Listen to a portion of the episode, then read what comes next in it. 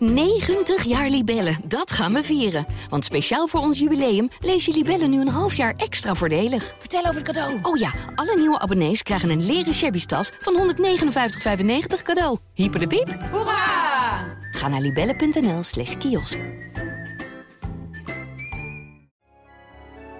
Luister naar In Koers, borrelpraat vanuit het peloton met Wout Poels en Dylan van Baarle. Volle bak koers tot en met de eerste strook. En lekker aan elkaar gelijmd. Ja, en lekker aan elkaar gelijmd. Ik voel me wel net zo, net zo brak, eh, als ik heel eerlijk ben. Kunnen we die alvast reserveren voor naar Luik? eh? Ja, joh, die, die, die is altijd op. Als we bellen, dan, eh, dan gaan de deuren Oké, open. oké.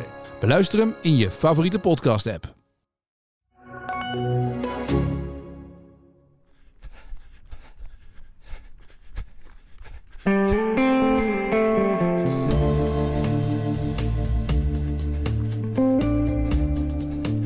Maandag 17 april, het is de day after. Ik denk eigenlijk een half jaar, misschien wel een jaar, kijk je uit naar die ene dag, de marathon van Rotterdam. Rood omcirkeld in de agenda, een en al positiviteit. Alles kwam samen op die ene dag. We gaan er een marathon-uitzending van maken met eh, uiteraard Erik Brommert, Guido Hartensveld, Michel Butter, René Kuis.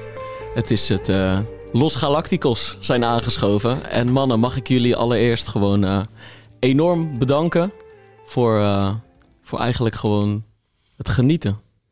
Gewoon de reden dat ik zeg maar gisteren die marathon heb kunnen knallen, dat is ook gewoon vanwege, vanwege jullie.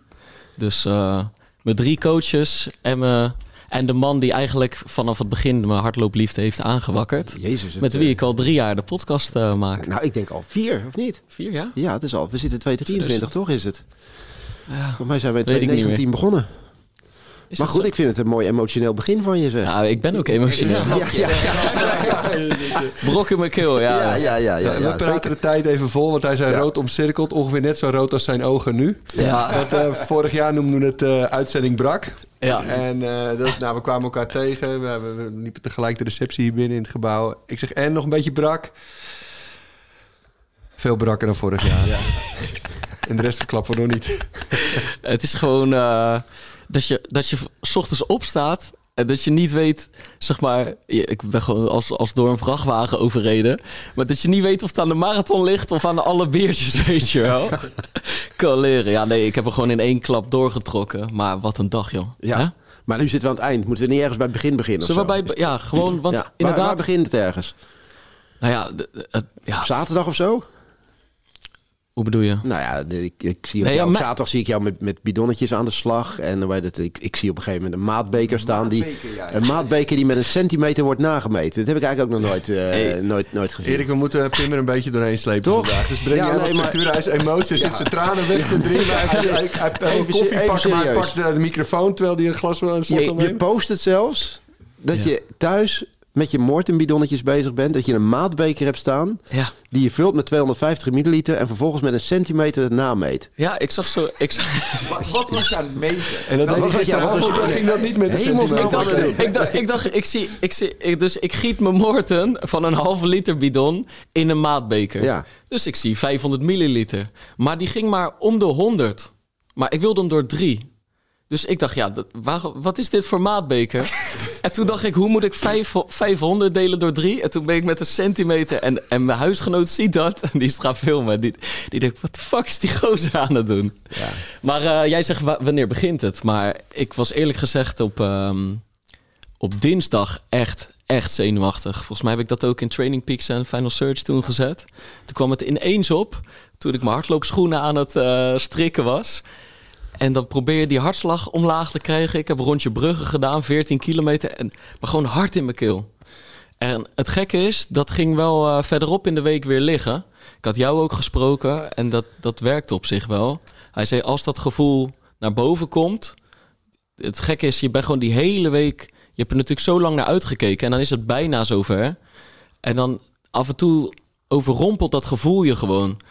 En dan inderdaad, dan zie je ineens al door het Kralingse bos lopen of weet je wel. Maar het gekke is, anderhalf jaar geleden probeerde ik dat anderhalve week weg te drukken. Maar dan blijft het heel de tijd hangen. En Michel zei tegen me van, eh, ga maar gewoon juist visualiseren. Finish, eh, Finish desnoods, steek je handen even in de lucht, weet je wel. Maakt niet uit hoe gek het eruit ziet. Ja, positieve beelden. Ja, positieve beelden. En dan heb je even alles gehad gewoon. En de En- huisgenoot nog meer lachen, want eh, Ja. ja. denkt dat hij nou Ja, ik zei, ook, ik zei ook, als het gevoel opkomt, dan moet je het ook even gewoon helemaal accepteren. Weet je? Die zenuwen komen en, eh, en dan ga je eraan denken. En voor je het weet ben je dan de hele dag een beetje half aan het denken. Dus visualiseer het. Neem het, eh, neem het even helemaal tot je op. Finishen inderdaad. Maar als het komt, dan komt het gewoon. Dus ja, ik zeg misschien een beetje een gek moment als je in één keer aan tafel zit bij je ouders of bij je vrienden. Dat je even weg zegt, ik moet even weglopen. ik Moet even...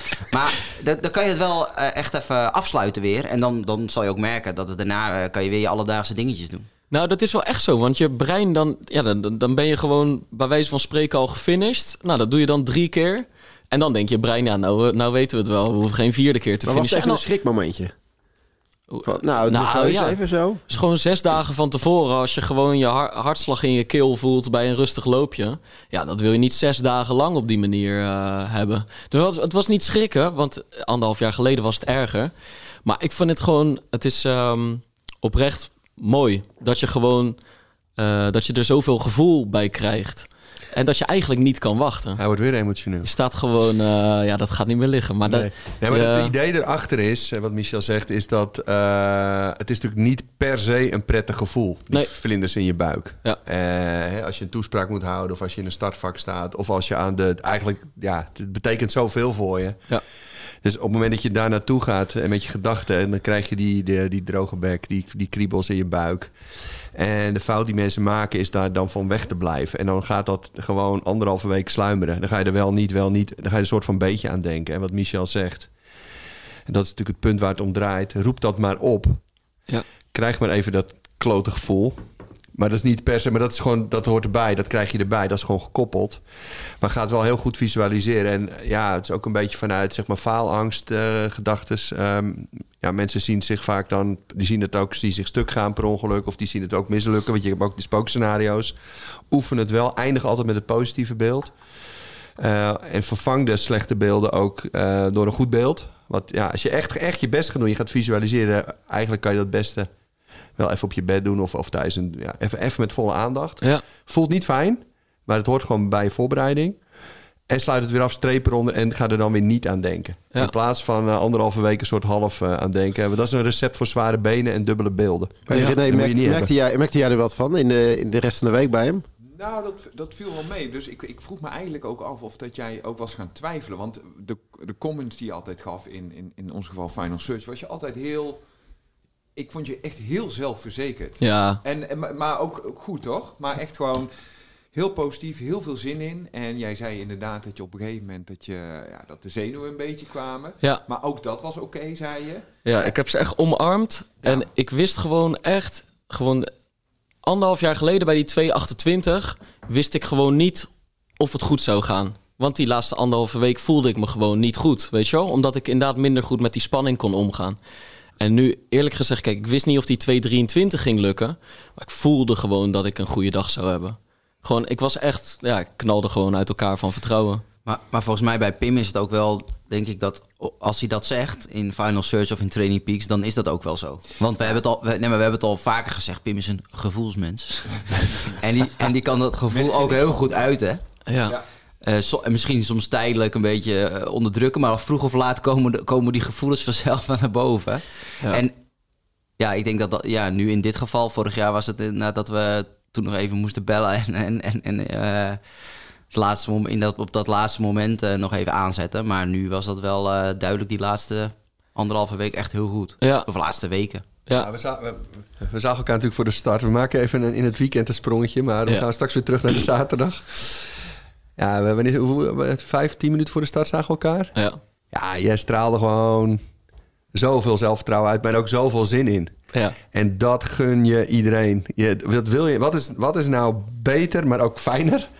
Dat je gewoon uiteindelijk daar staat en er zin in hebt. Als je, als je nog met, met spoken moet afrekenen vijf minuten voor de start, jongens, dan Dan ben je te laat. tegen wie ben je aan het vechten dan? Ja. Ik heb je nog even mijn huis eh, laten Ja, zien. zie- eh, wit, daar- witte de Wit ja, aangewezen. arm omheen. Ik zie- ja, dat, eh, ja. Die rode balkons, dat is naar huis. Dat kan je even nou zien. En eh, een dikke knuffel. En nou, ik, ik hoef het eigenlijk niet eens te vragen, ben je er klaar voor? Ik zeg, jeetje, ben je er klaar voor? Ja, ja, nou, dan gewoon, ja. En eh, ik zeg, en, en, en hoe lang is het lopen naar de Witte de Wit? Ja, twee minuten. Vanavond waarschijnlijk acht minuten ik weet het nog goed.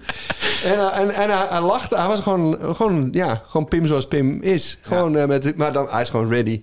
En toen, dat is wel gaaf gewoon. Ja, dat is wel een kwaliteit. Dat is echt een unieke eigenschap. Maar het is gewoon een kwaliteit. Dus daar, daar kan je dus ook op, op vertrouwen. Ja. volgende keer. Dus als je het, ja, ja, jouw gevaren zitten eerder in het traject. Daar ga- gaan we het nu niet over eh, hebben. Maar als jij één keer gewoon voorbereid ergens staat, dan kop je hem al in.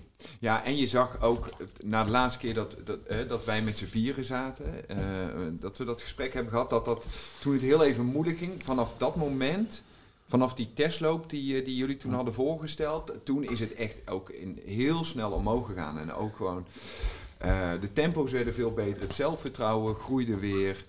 Ehm, en jij zei inderdaad altijd, oké, je, je had een doel, dat was die 222. Nou ja, of dat het haalbaar was, mm, wat dan ook. Maar wel altijd, joh, ik denk wel dat ik dat ga kunnen. Dus het zelfvertrouwen was er gewoon vanaf dat moment, was dat er weer. Ja. En dat is ook gewoon niet meer, niet meer weg geweest. En wat je zegt, inderdaad, eh, Pim is heel eerlijk in zijn, in zijn comments, en, comments. En daar heb je ook gewoon veel aan. Want dan weet je, als hij zegt, weet je, het voelt me goed en het gaat een mooie dag worden, dan gaat het ook een mooie dag worden. Voor zover dat je dat zelf natuurlijk in de hand hebt. Maar dat, dat werkt wel heel... Ja, dat Heel heb je in de hand als het goed is. Ja. Dat, Ja, maakt, het, ja, ja, dat maakt het verschil tussen, Ja. een, tussen een kampioen en een... eh, Ja, kijk, er kan, hè, weet je, uiteindelijk moet je een goede dag hebben en je kan daar op een bepaalde manier kan je daar naartoe werken. Eh, maar je, je blijft altijd afhankelijk van, van factoren waar je geen invloed op hebt. Nou, dat, die werkt er nu redelijk, redelijk goed mee. Maar dan is het wel heel fijn als je ziet dat, eh, eh, dat iemand waar je, waar je mee ergens naartoe aan het werken bent ook gewoon dat die zelfvertrouwen uitstraalt en dat die zin er is en dat het ehm, eh, dat geeft heel veel plezier. Ja, wat ik het mooie vind is dat hij echt wel een paar weken heeft gehad dat het gewoon niet ging. Totaal het gevoel kwijt was, helemaal niet lekker ging. En dat dit wel een voorbeeld is, want Pim zal niet de enige zijn die dit overkomt. Meer mensen zullen, zullen dat, dat hebben in een voorbereiding, dat het eventjes niet loopt. Maar dat gewoon de rust blijven bewaren, geen gekke dingen doen. Uiteindelijk wel de juiste, hè, de juiste aanwijzingen, de juiste tips hebben gekregen. Er wel voor zorgt dat je eigenlijk helemaal niet hoeft te panikeren op, de- op het moment dat dat gebeurt. Als je in ieder geval niet echt iets mankeert. En dat je dat gewoon kunt overkomen. Want het heeft denk ik wel twee, drie weken heeft dat, eh, heeft dat geduurd. Ja, Dat- ik heb echt, echt gewoon... Vijf, zes? Ja, gewoon lange- heel de, heel de maand februari was gewoon kwakkelen, Ja, die, die niet goed was. twijfelen. Maar daar kunnen mensen ook van, eh, een soort van in paniek raken. Nou, daar gaat mijn marathon. Ja, nee, maar En- eerlijk en dat- gezegd, ik ben, ik ben ergens ook wel in paniek geraakt. Eh, want die maand was gewoon kloten. Alleen op een gegeven moment ging de knop weer om. Ik ben altijd blijven gelogen, geloven. Toen ging de knop om. En toen heb ik echt gewoon voor mijn gevoel de beste vijf weken ooit gedraaid. Niet qua niveau, maar elke drie dagen zette ik een nieuwe stap. Van elke training werd ik gewoon beter. Ik ben gewoon in, in een soort rap tempo van een soort van 240 niveau. Hè, als je even van het nulpunt of zo, of 238 of zo. Ja, van de grotte kelder Na- van je... Naar gisteren je, 2 224.09 gegroeid. Gewoon door heel tijd op, op het niveau te trainen wat ik toen had. Bijna, volgens mij geen fouten gemaakt. Wat, wat, wat je, sorry dat ik je onderbreek, maar wat, wat we niet mogen vergeten... en wat je dus absoluut heeft geholpen... is je gewoon je aerobe fitheid en het op tijd zijn begonnen. Ja. En René zit eh, vol, vol, eh, volmondig te knikken. Dat, dus de, je aerobe basis en het feit dat je op tijd bent begonnen... eh, maakt ook dat je dit... Ja, die hiccup, dat klapje, of dat, noem je dat, dat dipje kon over... Dat, ja, daar kwam je, je kwam ermee weg. Kijk, voor die februari zaten gewoon 26 weken van gemiddeld 100. Mm. En daar kon ik uiteindelijk weer op terug, terugvallen dan. Ja. Ja. En, en, dan, en dan bouw je ook in dat je even... En je hebt ook wel getraind, alleen... Ja, het ging gewoon even niet. Je zat er gewoon even niet lekker in. Ja, en dan, dan verlies je vijf weken. Of je verliest het niet. Ja, je bent natuurlijk wel bezig, maar... ehm, dat hebben we de vorige keer besproken, dus dat hoeven denk ik niet meer te herhalen. Maar je, je kwam niet... Ja, je kwam niet vanuit... Er was een bepaald onderdeel ook in je... Hè, dat intensievere, dat was even weg. En eh, nou, vier trainingen, dat bleek ook. En al die trainingen, dat ging ook eh, per keer beter. Het is, het is wel echt vrij bizar, want ik heb dus... eh, wanneer is dit? Iets van 10 maart of zo. Dus dat is 4,5 week, vijf weken geleden. Heb ik een training gedaan, 10 keer 2 minuten. En die gingen met pijn en moeite, die twee minuutjes, op 3.22, 3.21, 3.20. Dat is gewoon wat ik gisteren fluitend de eerste 15 kilometer loop. Uiteindelijk, nou ja, ik stort niet in, maar ik, eh, volgens mij mijn mijn traagste 5 kilometer gemiddeld ging in 3.28. Dus dat is gewoon wat ik vijf weken geleden nog op een intervaltrainingje aan het doen was, weet je wel. Ja. Dat is wat er wel in korte tijd dan kan gebeuren als je basis goed genoeg is. En als je gewoon die voorbereiding maanden geleden al begint. Of eigenlijk, weet je wel. Ja, maar dan kan je die geleden. stappen zetten in die vijf weken. Ja. En anders kan je dat niet. Ja. Ja. En Ja, en dan krijg je op een gegeven moment zoveel vertrouwen dat je perfectionist wordt. En dan, eh, en dan ga je de maatbeker pakken. En wat denk En je centimeter, en je centimeter erbij. Ja. je, dan, Ja, hij heeft dat verhaal nog niet afgemaakt. Nee, van nee. hoe is het nu uiteindelijk afgelopen? Ja, het is Die, een eh, beetje het, gelukt. het eindigt een beetje met die harde rekensom. Ja, ik heb een soort eh, ingewikkelde wiskundige vraagstukken op tafel gelegd. Nou ja, toen, toen had ik dus... Ja, toen wist ik hoeveel centimeter 500 milliliter was. En toen wist ik alsnog niet hoe ik het moest delen. Nee, uiteindelijk heb ik wat hulp van Jochem eh, gekregen. ja. Dat kan niet schrijven, hè? Ja, heb je ieder bidonnetje ook leeg gedronken? eh, ik eh, doe Want altijd... anders is het allemaal voor niks geweest natuurlijk. Nee, hè? nee, nee. Ik, ik heb dan ongeveer 160 milliliter in zo'n racebidon zitten. En dan weet ik dat ik alleen het laatste slokje niet. Het laatste slokje is altijd met lucht en zo. Die krijg je wat moeilijker. Dus ik weet gewoon bijna opdrinken en weg. En dan is Heeft hij normaal nooit moeite mee met dat laatste slot? Nee, nee, nee. nee. dan, blijft, dan blijft er niks over. ik wil nog even één ding, wat denk ik heel Ja. belangrijk was. En dan Ja. inderdaad, die, die, die hiccup in de voorbereiding kunnen we dan misschien wel vergeten. Maar ik denk wat, wat heel belangrijk is, is eh, dat je het niet bent gaan compenseren. Dus zodra een training niet lukte, Ja. om de volgende dag de, de training in te halen en wel proberen te doen. En ik denk Ja. dat dat heel belangrijk is. En ik denk, zo, sowieso. Ik bedoel, als een training niet lukt, laat hem lekker gaan. Er komt, er komt wel weer een nieuwe. Hé hey René, maar dit is heel wijs. Eh, dit is dus ook zelfvertrouwen, of niet? Wat is dit dan?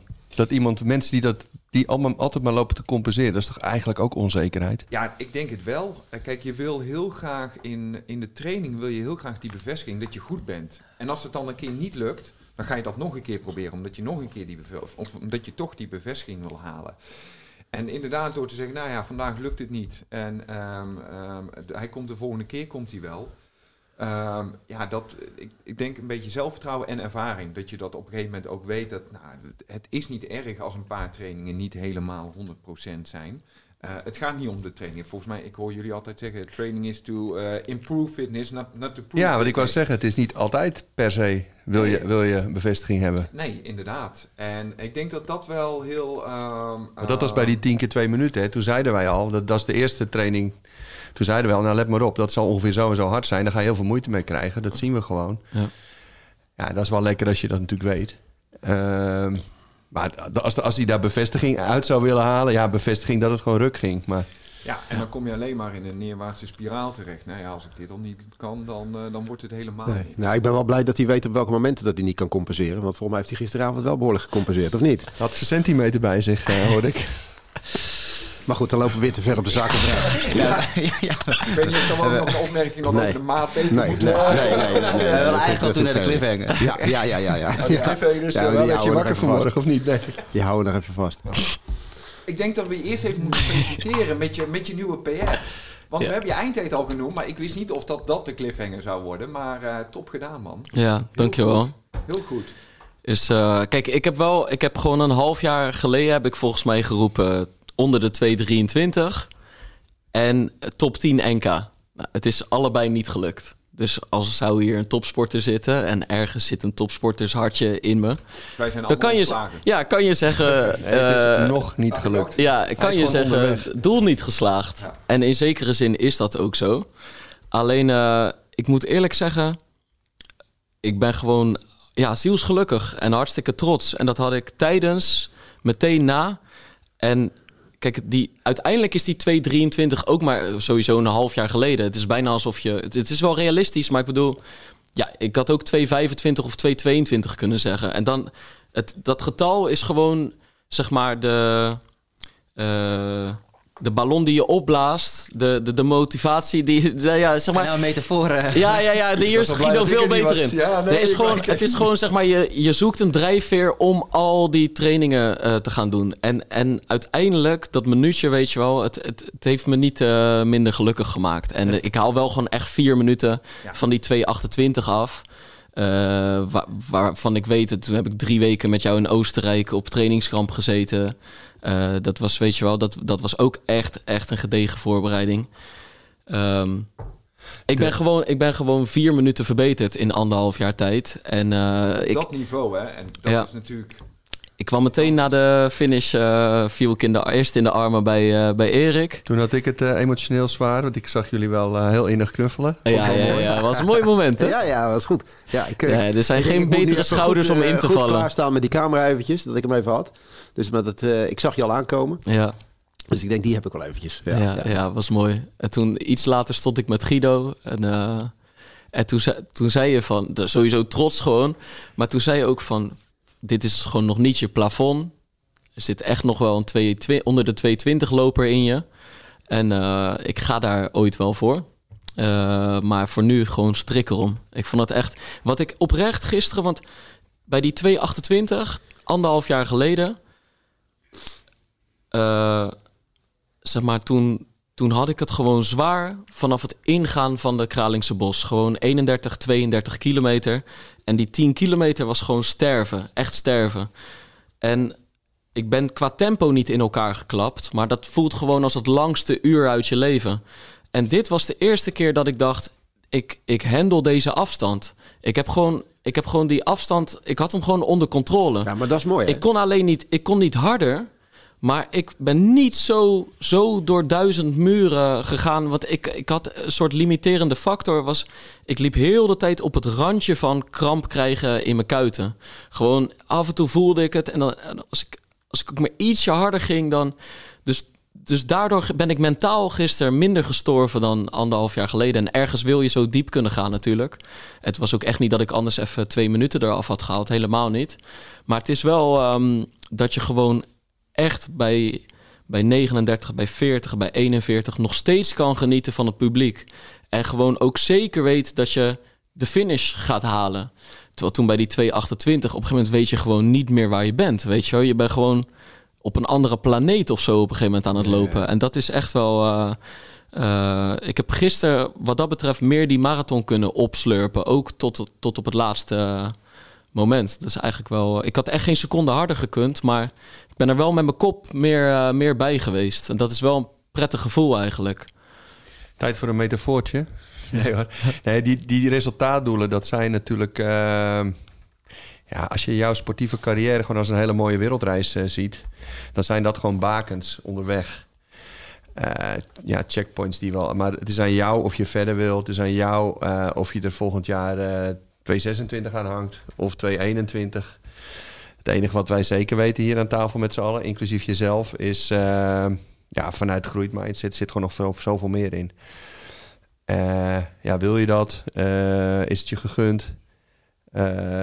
En dat is dat veelomvattend. Hè? Dus ook, je, ook een lange voorbereiding fout. Dat zit dan volgend jaar de uitdaging in. Of die keer dat je het wil. Een, een lange voorbereiding zonder hiccups. Of zonder, zonder echte grote... eh, eh, ja, daar zit de, de win. Maar je wordt gewoon sowieso beter. Dus als je het op dezelfde manier doet... Ja. met een slechte vijf weken... die je weer recht trekt... eh, loop je alweer harder. Maar eventjes een andere vraag. Van, zijn, zijn de coaches echt tevreden, zeg maar? Dat, eh, is dat, eh, dat doen we ook nog wel eventjes even horen. Van, nou, hij heeft een mooie tijd. Wat, wat, wat vinden, de, vinden de coaches ervan? Is het datgene wat jullie ervan eh, verwacht hadden? Ja, ja, ja ik, ik wel. Ehm, kijk, tuurlijk hoop je dat toen jij uitsprak dat je 222, dat je dat gaat halen. Nou ja, dat, dat is niet gelukt. Ehm, daar zijn, misschien, misschien is die drie weken is daar een reden van dat je niet zo goed hebt kunnen trainen. Misschien ook niet, misschien was dit het gewoon. Was die 222 nog te hoog, te hoog gegrepen. Maar kijk, in eerste instantie, het, het allerbelangrijkste is dat je, is dat je ehm, een cliché, maar heel veel plezier heb gehad, ook in de voorbereiding. Het, ondanks dat het even minder ging, maar die laatste weken, dat was gewoon wel weer met heel veel plezier lopen. Ja, en, en, en dat is natuurlijk het allerbelangrijkste. En dat je daarna nog gewoon vier minuten van je PR afhaalt, ja, dat, dat ja, ja, A-doel niet bereikt, 222 niet, eh, B-doel top 10 NK ook niet bereikt. Eh, en dan toch, ja, en toch heel tevreden zijn. Tenminste, ik ben heel tevreden. Ehm, ik denk dat het, ehm, ehm, ehm, ja, ik denk niet dat je hierover moet twijfelen of dat het, eh, eh, of dat het eh, niet goed is gegaan. Ja, ik vind het belangrijkste altijd, het is het doel van de sporter. En wij helpen. Dus wij zijn serviceverleners daarin. En vond ik het een mooie reis? Ja. Had ik mijn twijfels toen hij zei 222? Ja, maar dat iedereen natuurlijk. Want als, anders is het ook het spelletje niet leuk, toch?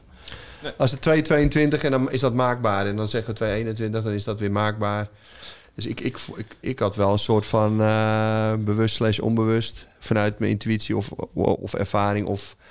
Ja, ja, soms heb je dat gewoon wel. Van, we gaan iets tegenkomen. Dat zal bij Pim ongeveer wel in die en die issues zijn of zo.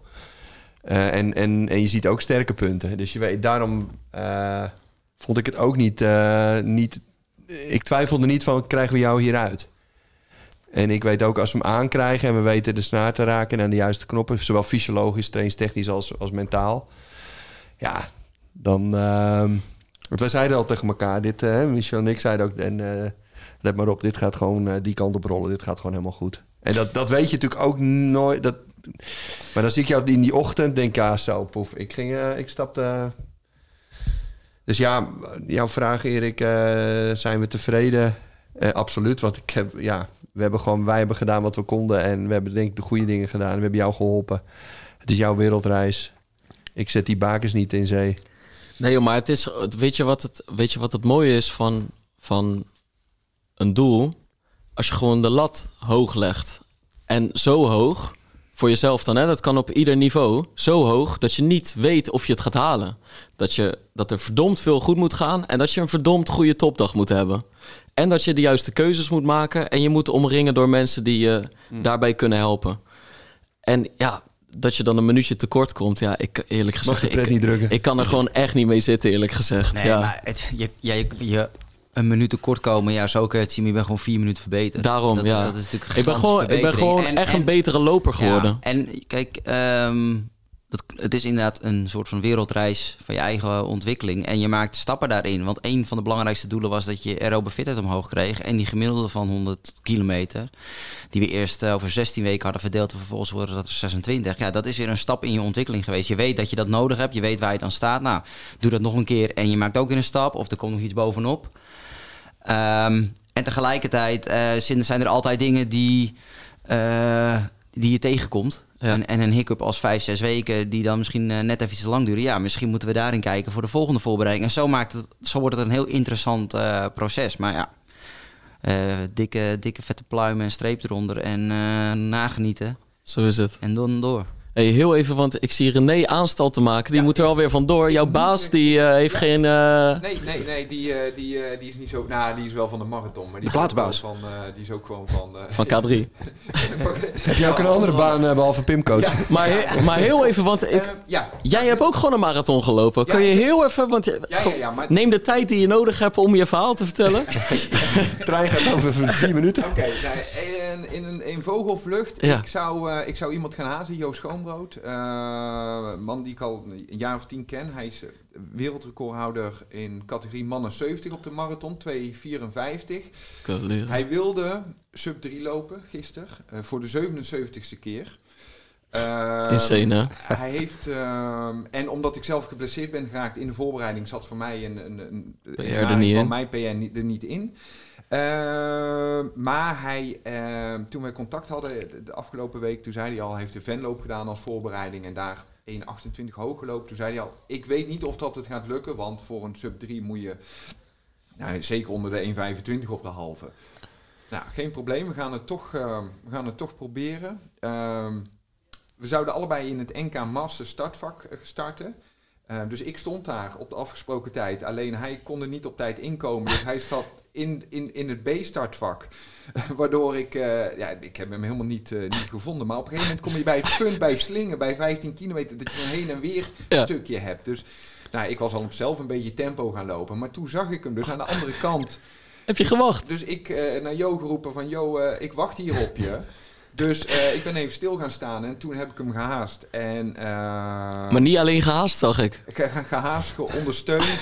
Ja, het was... Hij, hij, eh, hij loopt heel goed met warm weer. En het was eigenlijk te koud voor hem gisteren. Ehm, dus ja, Weet je, het is niet gelukt, die, eh, die sub 3. Weer iets wat niet is gelukt. Ja. Het is eigenlijk helemaal niet zo goed. Podcast in mineur. Het is een podcast in mineur. Eh, maar hij is wel Nederlands kampioen geworden, eh mannen 70. En dat was eigenlijk ook zijn hoofddoel. Om, eh, dus dat was heel mooi. En dit was, eh, wat dat betreft maakte dat... eh, ik bedoel, naast... Maar wordt, er- wordt er niet nog even naar de beelden gekeken of, dat wel, eh, of het wel geldig is geweest? Want Ja, hij heeft een medaille al gehad. eerder. hij heeft hem al gehad. Ja, dus joh, is- we, mo- we moeten denk ik wel... de Is, er circuleert een filmpje momenteel die we denk ik wel even moeten delen op de Pacer. Ja, het is Polonaise, dat was een beetje dezelfde Polonaise. Hoe, als, zeg maar, als hoe ver het haaswerk van René gaat, zeg maar. Dat gaat echt dat gaat heel ver. Ja. En we- nou, laat, later op, op de dag of morgen denk ik dat we dat toch maar eventjes even Ja, zichtbaar die moeten beelden gaan we maken. plaatsen. En wij vinden het toegestaan. Dat, Ja, ja, eh, ik dat is het stuur ding wat zeker. Ik, Ja, boven, ik, ik denk dat wanneer, wanneer je ouder bent dan 65, dat je wat meer hulpmiddelen Ja, ja, oké, oké, Ik ja. denk dat dat heel Ja, fair is. ja, toch? ja. Ja. Dus Ja. dat was heel kort mijn dag. Ik laat Ja. het aan jullie over. Heren, bedankt. Ik had het al gezegd, eh, Michel, eh, Michel en Guido. En eh, wij spreken elkaar later. Bedankt voor je cadeau. We gaan, eh, Bo- gaan we Boston kijken later op de dag. We hebben, ja, Ja? we hebben app en zo. Ja. Jo. Eh, dat was René. was- ja. ja. die beelden moeten we zeker delen, want dat is Ja, waanzinnig. vind ik wel. Eh, hey, we zien elkaar. René had een mooi cadeau mee. Hey, t- één, één ding. Ik ben mijn medaille dus kwijt. Echt waar? ik weet niet waar mijn medaille is. Ja, Ja, dat weten wij Ja. Ja, ik ook wel. Ja. Ik weet wel waar Ik die ligt. ze Daar heet, komen we later op. Ja, Heb je de nummer? ik zou, Ik heb de nummer, ja. ik ja. zou dus even vragen. Ja. Maar goed. Ja, moet je toch Ja. weer terug. Ja, Nee, ja, ja. ja, ja Daar hadden we het nou net nog over. Dat, ik, eh, dat laatste stuk voordat we René gingen uitzwaaien. Je zei iets goeds. Ik zei vast iets Nee. goeds, maar ik weet Nou, niet meer. misschien moeten we gewoon maar even terug naar af. Ja, want hoe, hoe was jullie dag? Want eh, bij, eh, ik heb net verteld over mijn eh, die aanloop met de zenuwen en dan uiteindelijk gewoon ontzettend veel vertrouwen en eh, eh, ontzettend veel zin. Maar hoe, hoe is dat bij jullie drie als je dus niet zelf gaat lopen? Want er, zit nog steeds heel veel gevoel in die dag. Ja, maar er was gewoon... Het be- begon gewoon al dagen daarvoor, wat er allemaal in de stad al gaande was. Ik bedoel, Michel was op vrijdagavond eh, met, eh, met het NN Running Team in een uitverkocht eh, Cinerama eh, bezig met eh, Ja. een, een mooie documentaire die daar volgens mij getoond is. Je hebt Jos Hermers geïnterviewd en ik ben er niet bij geweest, maar moet je zelf nog wat over vertellen. Maar Ja, toen zag je al hoe ontzettend dat het, het alles het leven was in die stad. Ja, klopt. Nee, het leeft, ont het leeft, eh, het leeft ontzettend. Eh, ik, ehm, ik merkte het eigenlijk al eh, die vrijdag inderdaad. Ik ging in de trein naar, naar Rotterdam. En mensen in de trein hadden het al over. En, en, en, ik kan het echt weten dat ze het overal in de trein hadden. Ik ging naar, ik ging naar Rotterdam toe en ik stap in Centraal uit. En ik loop lekker naar spoor 14 toe. En moet je zo'n toeslag moet je dan nog even snel voor zo'n inter intercity direct. Dus lekker op tijd richting, eh, richting Rotterdam.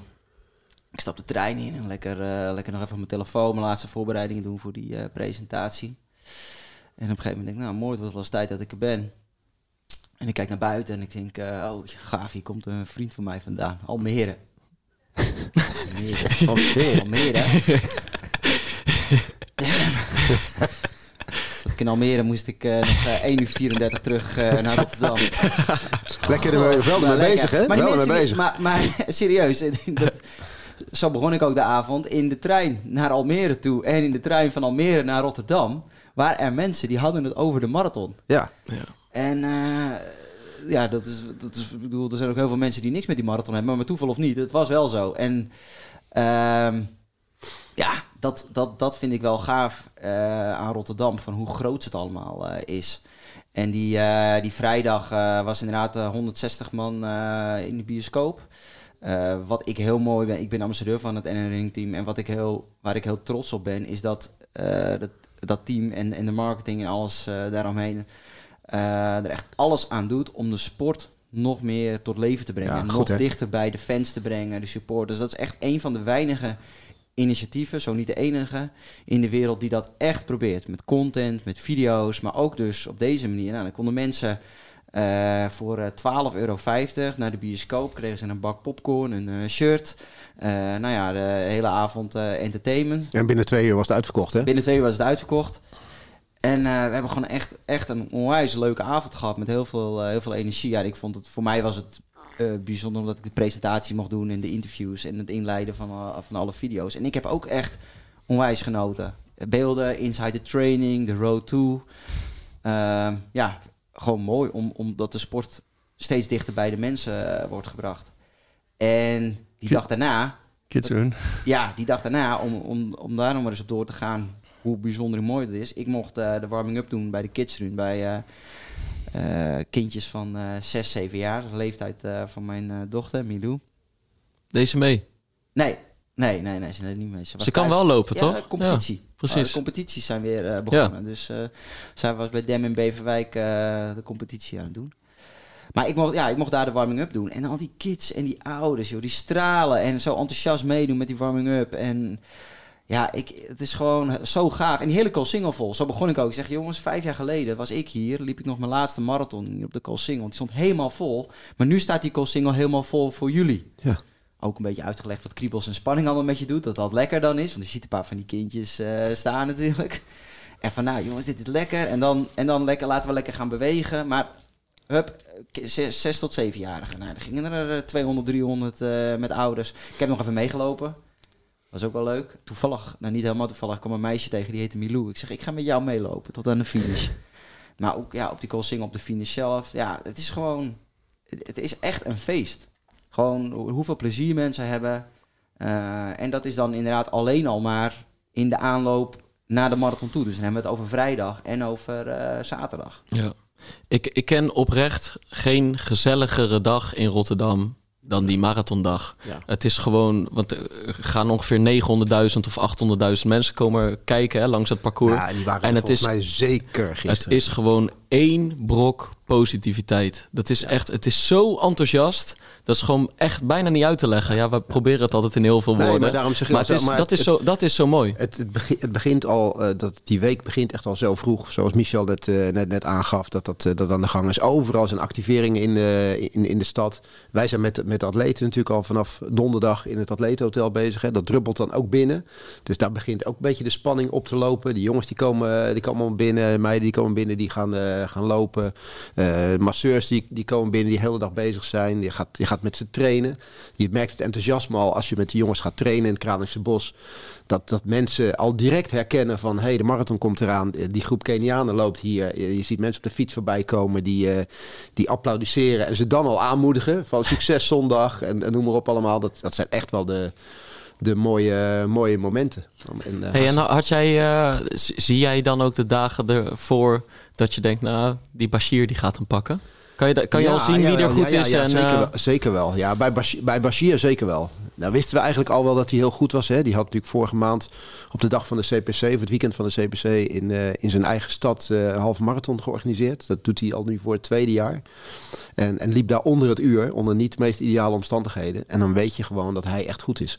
En wat ik het mooie aan Bashir vind, en ik vind hem misschien naar Elliot Kipchoge wel de tweede beste marathonloper die er momenteel is. Want hij stelt nooit teleur. Je kan van hem geen marathon ehm, terughalen, eigenlijk die hij niet goed of slecht gelopen heeft. En als hij geen goede dag heeft, dan haalt hij er nog het maximaal uit. Vorig jaar stond hij eigenlijk met een slechte voorbereiding aan de start, loopt hij nog 205. Nou, kijk wat hij met de Spelen doet op een misschien niet maximale dag, maar hoe diep dat hij kan gaan. En naar de tijden die hij al gelopen heeft. En de majors waar hij ook goed in gepresteerd heeft. En hij legde gisteren ook gelijk even een barfie na de finish, hè? Je dat gezien? ook, Hij ging gewoon gelijk over zijn nek. Even, kostte even alles helemaal leeg. Ja. Maar, maar ja, hij is zo een goede marathonloper. Echt een, echt een goede marathonloper. Ik acht hem echt in staat. Hij liep gisteren 203. Maar ik denk dat hij onder goede omstandigheden... en ik sprak na de ook met zijn coach Kerry... eh, de, de, de man van, eh, van Paul Radcliffe... En ook de coach van Abdi Nageye.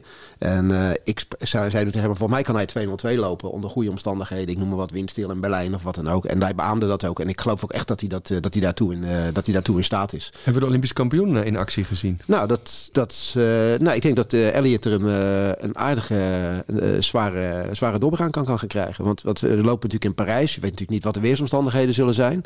Maar de manier waarop hij zich momenteel ontwikkelt... en eigenlijk nog steeds alleen maar, eh, maar beter wordt... en het vertrouwen wat hij, eh, wat hij uitstraalt in, eh, in de race... en ook de ontspanning die hij heeft voor en na afloop en alles. Hij is zo relaxed. Hij is zo, eh, zo ontspannen. En je weet, gewoon dat, je weet gewoon dat hij levert. Ja, absoluut. Het is echt, als je hem contracteert, is het bijna een, net als Elliot, bijna een zekerheidje. Dat het, dat het goed gaat gaat voor de derde keer proberen. Ja, Achter elkaar, wil drie keer op rij. Olympisch kampioen worden. Ja, ja. maar hè, die, eh, die, hij wordt, eh Kipchoge zal... Maar je hebt een titanengevecht nodig, ook een echte uitdager. Van, Ja, dat ja. maakt de sport Nou, interessant. maar dat zou, het, zou, eh, het zou echt kunnen. Hè. Laten we volgend jaar of, of anderhalf jaar laten we, het, laten we het zien dat dat gaat gebeuren. Maar ja, zijn focus ligt er, die van Elliot ligt er ook. Ehm Elliot wordt wat, wordt wat ouder, maar die weet, ik, ik bedoel, het lijkt wel of de, of de leeftijd helemaal geen, geen invloed op hem, op hem heeft. Maar dat gaat eh, denk ik heel interessant worden. Want eh, ik vond hem echt ongelooflijk sterk. En als je dan vraagt van ja, zie je dit als vooraf aan atleten? Ja, dat zie je wel. En je ziet zelfs aan, aan Abdi ook. Die, eh, nou, die had wel een klein verkoudheidje gehad van tevoren. Maar die zijn op een gegeven moment zo doorwinterd. En hebben, hebben zoveel ervaring ook. Dat die net als wat jij riep. Die, die masteren die afstand gewoon. En, en dat zag je gisteren ook in de race. Zal er straks wel op terugkomen. Ik heb eigenlijk het grootste deel, eh, toen Abdi de afvoer met hem, eh, eh, met, met hem gezeten. En hoe hij dan omgaat met, met de momenten dat je eigenlijk een tik te verduren krijgt in de race. Dat is gewoon echt heel goed. En dat, dat zie je gewoon dat hij, dat hij dat geleerd heeft door de tijd. Hij geeft ook na afloop aan wat hij geleerd heeft van het uitstappen in die, in die halve marathon op het, op het WK. Een hele marathon. De hele marathon hè, op het WK, dat hij, dat hij uitstapte vlak voor tijd. Dat hij echt zoiets van, ja, dat doe ik nooit meer. En daar heeft hij eigenlijk alleen maar van geleerd. Die ervaring die hij, die hij toen opgedaan Dat was de heeft. in vijftiende negatieve marathon zin. natuurlijk. Hè? Ja, maar dat was in negatieve zin een ervaring. En die heeft hij nu wel omgezet in positieve zin. En, en zo, zo kan je er wel de atleten uithalen. Je hoort soms van, van de fysiotherapeuten hoor je wat terug van... Hey, die, eh, die heeft goede benen. En, eh, en ook wel soms atleten waarvan je zegt... van, Nou, misschien niet helemaal. Dat, eh, je kunt het niet helemaal uithalen, maar... Ja, je haalt de goede mensen er wel, er wel uit zo in die, in die voorbereiding. Erik, na die, eh na die kidsrun eh, ging ik eh, naar de technical meeting. Guido was daar als begeleider van motor ook van groep 3 en 4. Daar zal hij later nog wel wat van zeggen. Ehm, ik deed voorbereidingen met de NOS met Leon Haan. Dus wij wilden dan ook wat informatie hebben. Maar ehm, we waren daar op de, op de technical meeting. En Erik die deed dan het, eh, doet dan zeg maar, die, die doet de technical meeting over de groepen. En, eh, en eh, meteen toen we klaar waren, Guido en ik zeiden meteen, en dat moeten we even een complimentje geven aan. Ik zei niet, we moeten een complimentje, maar dat moeten we nu doen. Een compliment geven aan Erik. Hoe die die, kick, of die technical meeting aftrapte. Gewoon met de hele historie van de Rotterdam Marathon. Hè? Dus we zijn even vrijdag, we zijn donderdag begint het al, vrijdag, we zijn lekker aan het toeleven en dan zitten we op die technical meeting. En Erik die ging de hele historie vertellen van Rotterdam. Van hoe bijzonder is dit evenement nou? Ja, ik had echt, eh, ik had echt kippenvel. Ja. Ik, dat, eh, Ja. dat deed hij echt zo goed. En daarmee kom je ook echt... Ik denk dat die atleten... Dat bedoel, ik vind het gaaf. Als ik atleet was geweest, had ik het ook net zo gaaf gevonden. Je, je hebt echt het gevoel van... Oké, maar nu is het echt begonnen. Nu gaan we iets bijzonders meemaken. Wij gaan onderdeel uitmaken eh, van de geschiedenis. Ja. En, en, en zeker natuurlijk degene die om de knikkers meedoen. Die, die horen eh Densamo, eh, Lopez. Nou ja, Ja, je neemt ze gewoon echt even Ja. mee Ja, eh, nou, langs de wereldrecords. mensen en wat, wat de- technical meeting is, dat, dat is Ja. natuurlijk hoe laat, hoe laat vertrekt wij spreken de bus en waar moet je bidons inleveren. En, eh, ja, dus je zou het heel Ja, formeel ja, kunnen ja, houden. Ja, En je kan, het kan heel formeel inderdaad. Kijk, het belangrijkste eigenlijk op zo'n technical meeting is... je hebt zo op dat moment zo'n 80 atleten in het hotel... om en nabij, met coaches en met managers. En die, die, daar, moet je strat, daar moet je de strategie mee doornemen. En je moet natuurlijk de racedag moet je gaan doornemen. Maar uiteindelijk heb je de dagen van tevoren met elkaar... heb je besproken... iedereen komt met een doel, komt naar die marathon toe... Ehm, welke groep gaat op welke tijd weg. Je gaat groepen vormen als het ware. En je hebt pacemakers heb je. En uiteindelijk moet je, eh, moet je in een soort presentatie moet je, moet je weergeven hoe die dag eruit komt te zien. Hè? Groep 1 gaat weg op die tijd met die hazen en op die snelheid. En groep 2 gaat op die snelheid weg. En die wordt begeleid door, door die persoon. En die groep wordt die persoon begeleid. En, en zo bij de dames precies hetzelfde. Zodat iedereen weet waar die aan toe is Ja. en, en hoe dat werkt. Hoe het drinken aangeven bijvoorbeeld onderweg is. Hè? Er zijn een aantal atleten krijgen drank aangegeven met een bidon. Dat kunnen we niet voor iedereen faciliteren. De anderen hebben drank op een tafel staan. Hoe kleuren. werkt dat? Met kleuren. Met hè? Dus- kleur. ja, Ronald Kleurenblind, maar dat is ja, ook ja. opgelost.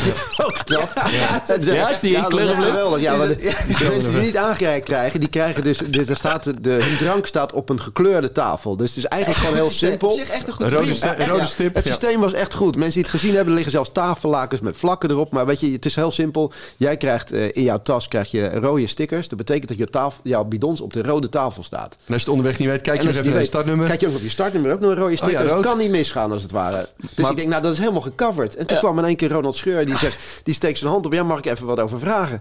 Ik denk, ja, wat wil je niet weten? Hij zegt, ja, maar ik ben kleurenblind. En is not a joke. Hij is not a joke. Dat is echt waar. Dat is echt waar. Oh ja. Ik zeg, nou, weet je, we hebben even gekeken. Jij hebt volgens mij tafel blauw. Dat is altijd de tweede tafel. Dus jij moet gaan tellen dan. Ja, ja, ja. Maar het was wel mooi. Zie je, dan heb je, denk je alles gecoverd te hebben. Maar toch nog net niet helemaal. Nee, dus. nee, goed zeg. Maar op zo'n avond, dat is dus eigenlijk hetgene wat je doorneemt. Maar dat zijn vaak... Ik ben bij andere marathons geweest en Michel heeft ook in New York gelopen en in Boston gelopen. En dat zijn vaak soort formaliteiten, die worden dan eventjes gedropt. En ik vind het altijd jammer, want eh, of je nou New York of Boston loopt... en ik heb ze ook allemaal gezien, die metro Chicago... die hebben allemaal een historie. En uiteindelijk is het ook wel het moment dat je iedereen bij elkaar hebt... Ja. en dat je de mensen nog eventjes... Ja, even dat laatste beetje motivatie mee kunt geven. En ik probeer ieder jaar eigenlijk een soort van ander themaatje eventjes even te doen. Iedere keer toch even wat anders. En ik had nu gewoon de jaren verdeeld in de jaren 80, jaren 90. Iedere keer in 10 jaar had ik het verdeeld. En daar wat highlights uitgehaald. En dat het begon in 81 met, eh, met John Graham. En, en, en dat we wereldrecords kregen en zo door. Gewoon tot aan, tot aan zeg maar, het moment dat Abdi vorig jaar de race won. Ja. En op de ene van, het is maar, het is maar tien minuutjes, maar probeer toch eigenlijk mensen een klein beetje, de atleten nog een beetje te raken, als het ware. Van, nou, als ik er nog niet een beetje zin in heb, dan krijg ik er nu wel wat meer zin in. Ja. En, en dat is, vind je ik ook hebt een alles, beetje je de had taak. alles eh, gedekt inderdaad. Ja, het, is, ja, het, is, eh, de, dit is voor de, het is een NK, dus een medailles. Het is de start van een carrière. Die zijn die mensen die zijn later Olympisch kampioen geworden. Nou, enzovoort, enzovoort. En die hadden, en, en die Hij hadden deed op- op echt fantastisch. Ja, dat was ook je mooi. Weet je, want het, het, het was nu ook. Mensen hadden natuurlijk iedereen een ander doel. Weet je, jij hebt 224 en, en, en iedereen denkt dat het gaat om het winnen. Maar het gaat niet alleen om winnen. Weet je, er zijn heel veel mensen die kwamen naar Rotterdam om te kwalificeren voor Parijs. Ja. Het hoogst haalbare, naar mijn gevoel, voor heel veel atleten om, om mee te doen op te spelen. En om eventueel om een medaille te halen. En we hadden gewoon drie medaillewinnaars in de zaal. Weet je, we hadden Tiki Kelane, die heeft goud gewonnen in eh, 2012. We hadden Die haalde ik in bij eh, nog voor dat- Zuidplein, geloof ja, ik. Dat wisten we wel, dat die niet haar parcoursrecord nog een keer zou gaan verbeteren. Maar goed, ze was er wel. En een gouden medaillewinnares. Dus hè, icoon. We hadden Abdi natuurlijk zilver en met Martier hadden we brons. Dus we hadden Ja. eigenlijk alle kleuren medailles in de zaal zitten. Dus konden we eigenlijk ook mooi, eh, mooi meenemen. Dus iedereen had wel zijn doel. Hè? Die debutanten die dan in Rotterdam hard gaan lopen... en vervolgens, doordat ze die snelle tijd daar gelopen hebben... dadelijk in Londen aan de start. Hè? Die jongen die gisteren tweede werd, eh eh, Kiplagat, die daar bijna eigenlijk Bashir nog inhaalt... en 2.03 loopt, is echt een bijzondere carrière. Die jongen die, die haast in, volgens mij, Doha of in Abu Dhabi... loopt daar door, wint de marathon. We halen hem hier naartoe. Hij loopt 203 en nou, kan je er donder op zeggen dat hij eh, in het najaar in, in, in, in, eh, in, de in major. Berlijn of in de major aan de start staat. Dus hij krijgt een kickstart van zijn carrière. En, Ja. en, en, ja, dat probeer je een beetje mee te geven ook op, eh, op zo'n avond. En, en dan is het ook, daarna worden de startnummers uitgereikt. En dan gaat het, eh, gaat het echt, eh, echt beginnen. En Guido heeft nu ook mee, eh, meegemaakt. Die is natuurlijk vaak genoeg dat hij Michel begeleid heeft. Maar die is nu voor de eerst op de motor mee geweest. En heeft eh, de groep met, eh met Björn Koreman, de Nederlanders als het ware, begeleid.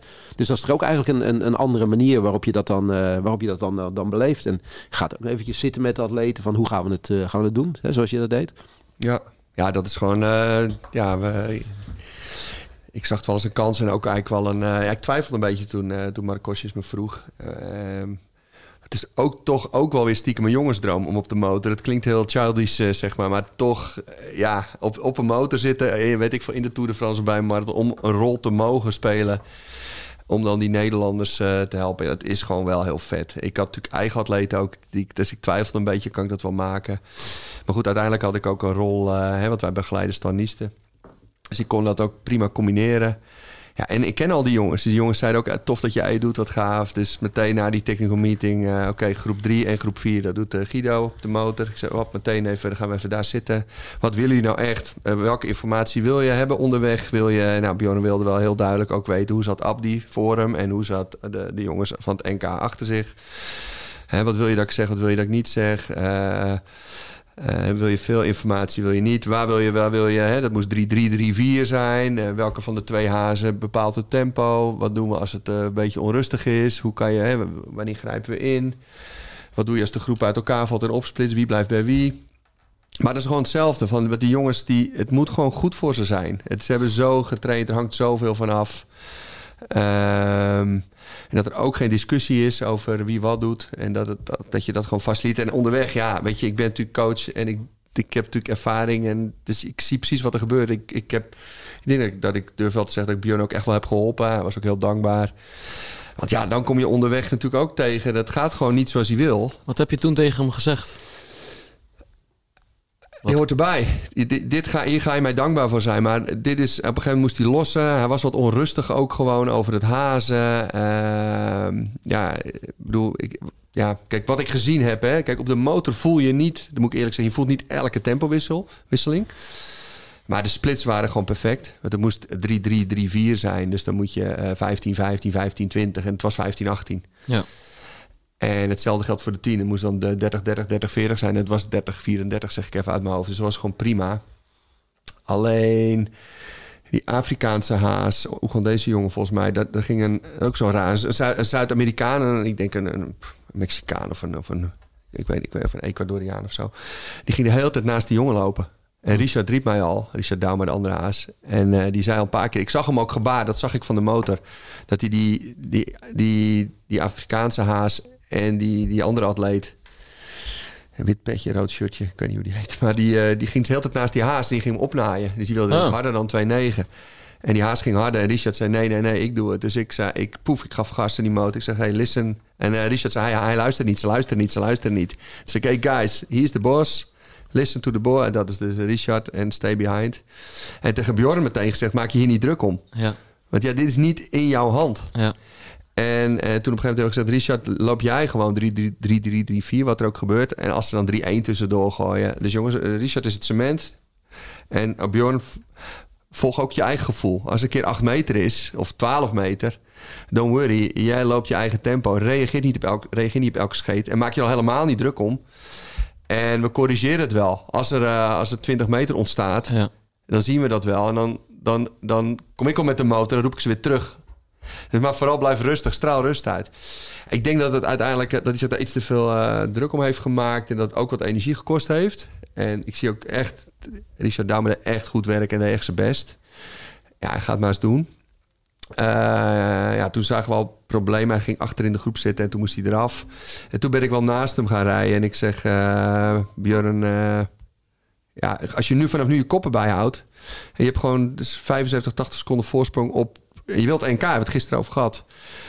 Eh, dit is de marathon. Respect voor de marathon, respect voor, je, voor, de, voor het NK, respect voor je tegenstanders. En, en, en finishen, kom op, weet je wel. Want hij, hij was het even kwijt en hij zag het even niet zitten. Herpak jezelf. En dat heeft hij al heel goed gedaan. Hij heeft wel doorgeknokt. En eh, hoort bij het leerproces. Ja. En, en hoe het komt, komt het. Geen marathon is hetzelfde. En eh, er is geen marathon hetzelfde. Maar je moet dit gewoon leren. En je loopt niet zomaar 2,8, 2,9. En eh, ik snap dat natuurlijk wel. Dus eh, ja, dan ben je gewoon aan het coachen. En gewoon vragen, gaat het en wat kan ik voor je doen? En ook gewoon informatie. Dat hebben we ook gewoon met alle Nederlanders afgesproken. Transparant zijn. Eh, ik heb dat ook een keer eerder ook bij in Amsterdam mogen doen. Dat je gewoon informatie geeft, zowel voor, achter. En dat geef je iedereen dezelfde informatie. En, en motivatie dus. Dus dat, ja. En ja, hij heeft flink afgezien. Maar Ja. was wel blij dat hij door heeft gelopen. Hey, even een leuke verrassing. We kunnen de Nederlands kampioen gaan bellen. Oh, Dus koptelefoons op. En dan gaan we, gaan we Abdi bellen. Even een eh, rigoureuze overgang, maar Ja, eh, nee, eh, hier zeggen we geen nee die- tegen, kan toch? zeggen, die moeten we eventjes eh, Ja. even gebruik van maken. Had ik niet tegen jullie gezegd, hè, dat we hem konden bellen. Wij houden ook van verrassingen.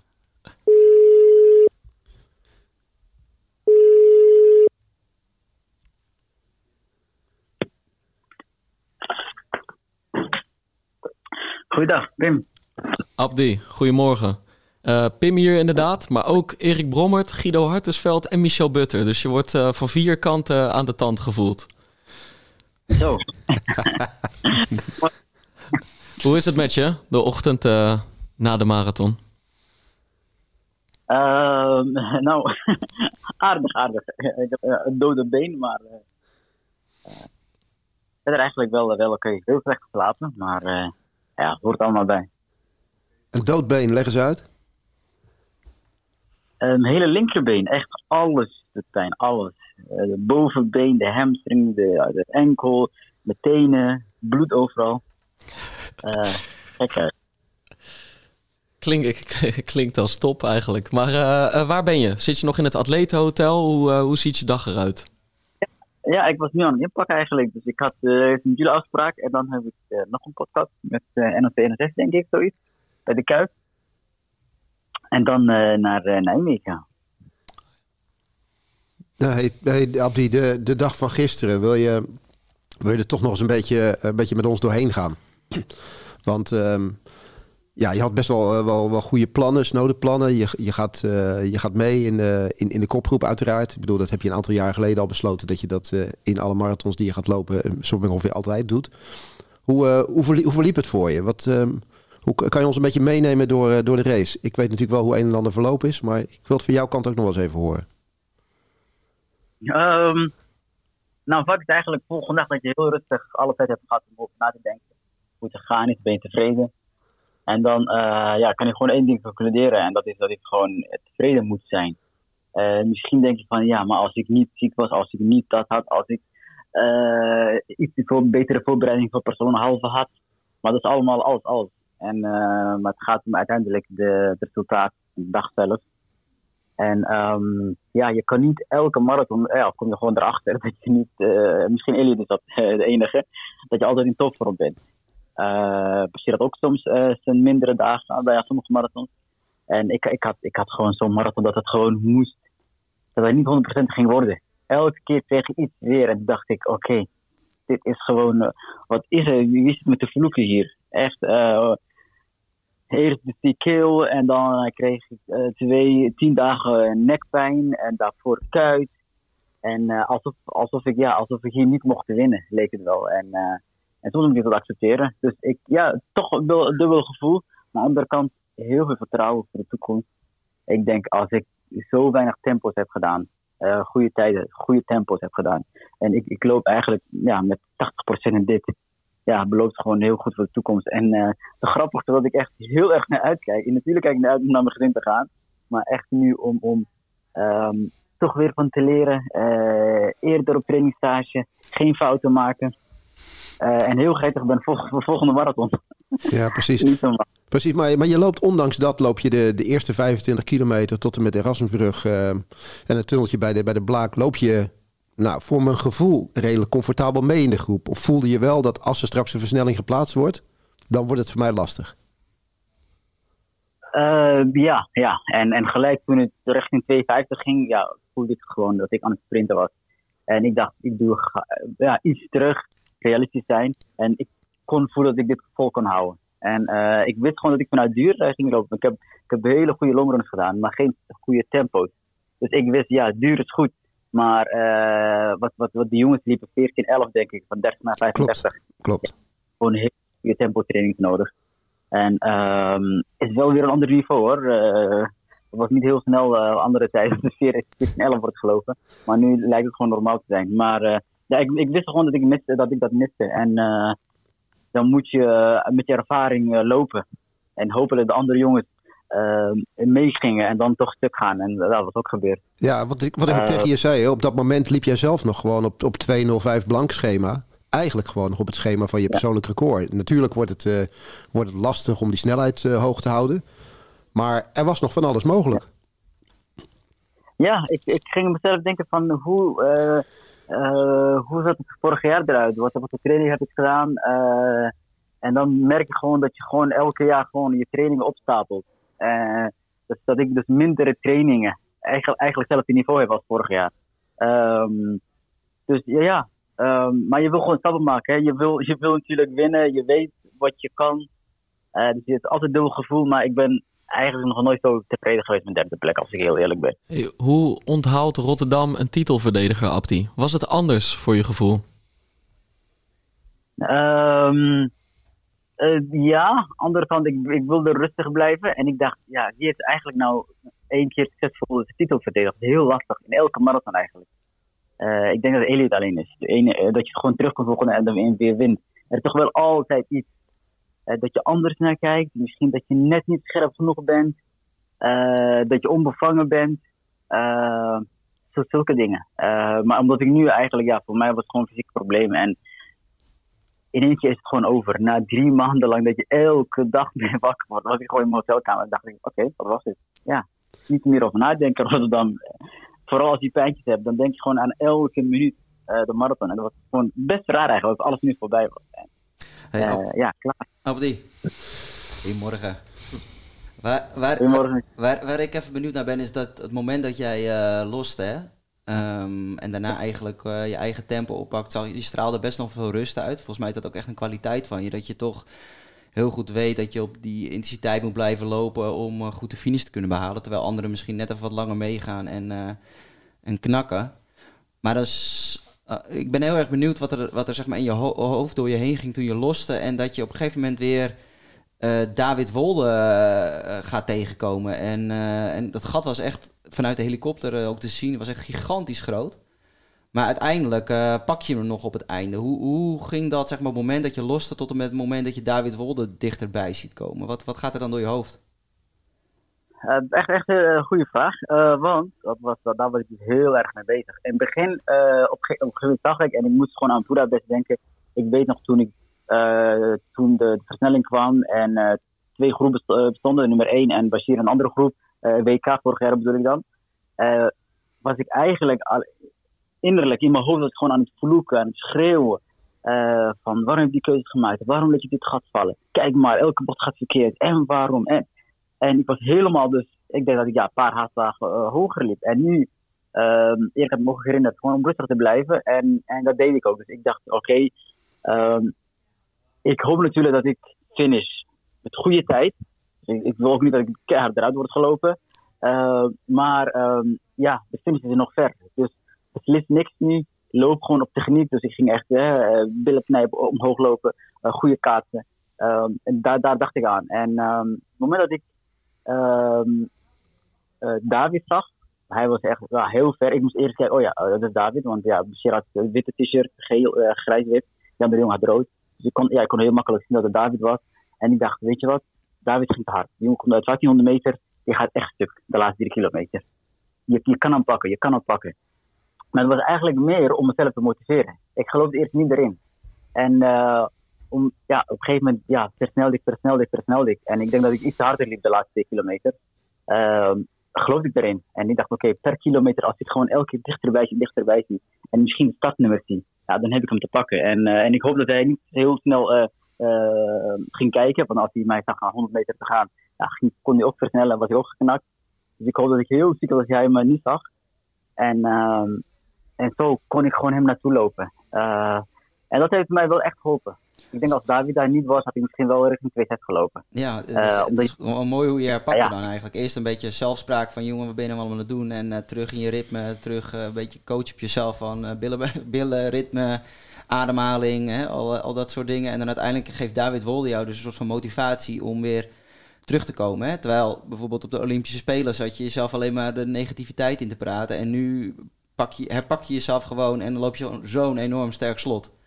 Ik, ik, ik zag het verschil ook echt tussen het moment dat je loste en het moment dat je eh Ragazza weer bijhaalde en, en, en Wolde. Het is Echt heel knap hoe je dat dan in de slotfase toch weer naar je toe trekt. Dat, Maar voelt, het dat, was lijkt, ook- dat lijkt me ook echt veel vertrouwen. Het was ook wel even schakelen. Hè? Er Ja. komen in één keer twee kilometers van 2,50. Ja, En Appie loopt op dat moment eh, drie minuten. En dat is, dat is 20 seconden. Dat is gewoon 120 meter in twee kilometer tijd. Ja. Dus het loopt in één keer, liep zo ver bij hem vandaan.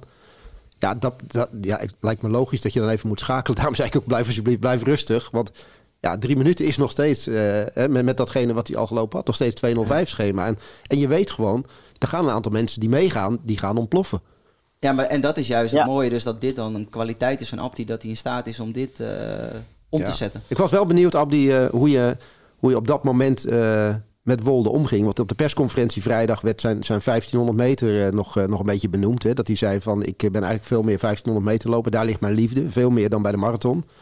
Dus Ja. ik had het een beetje meegekregen. En daarom, ik had zoiets, wat ga ik nou tegen jou zeggen? Weet je, ik dacht, volgens mij moet het gewoon erop en erover. En hij moet een soort schrik erin krijgen.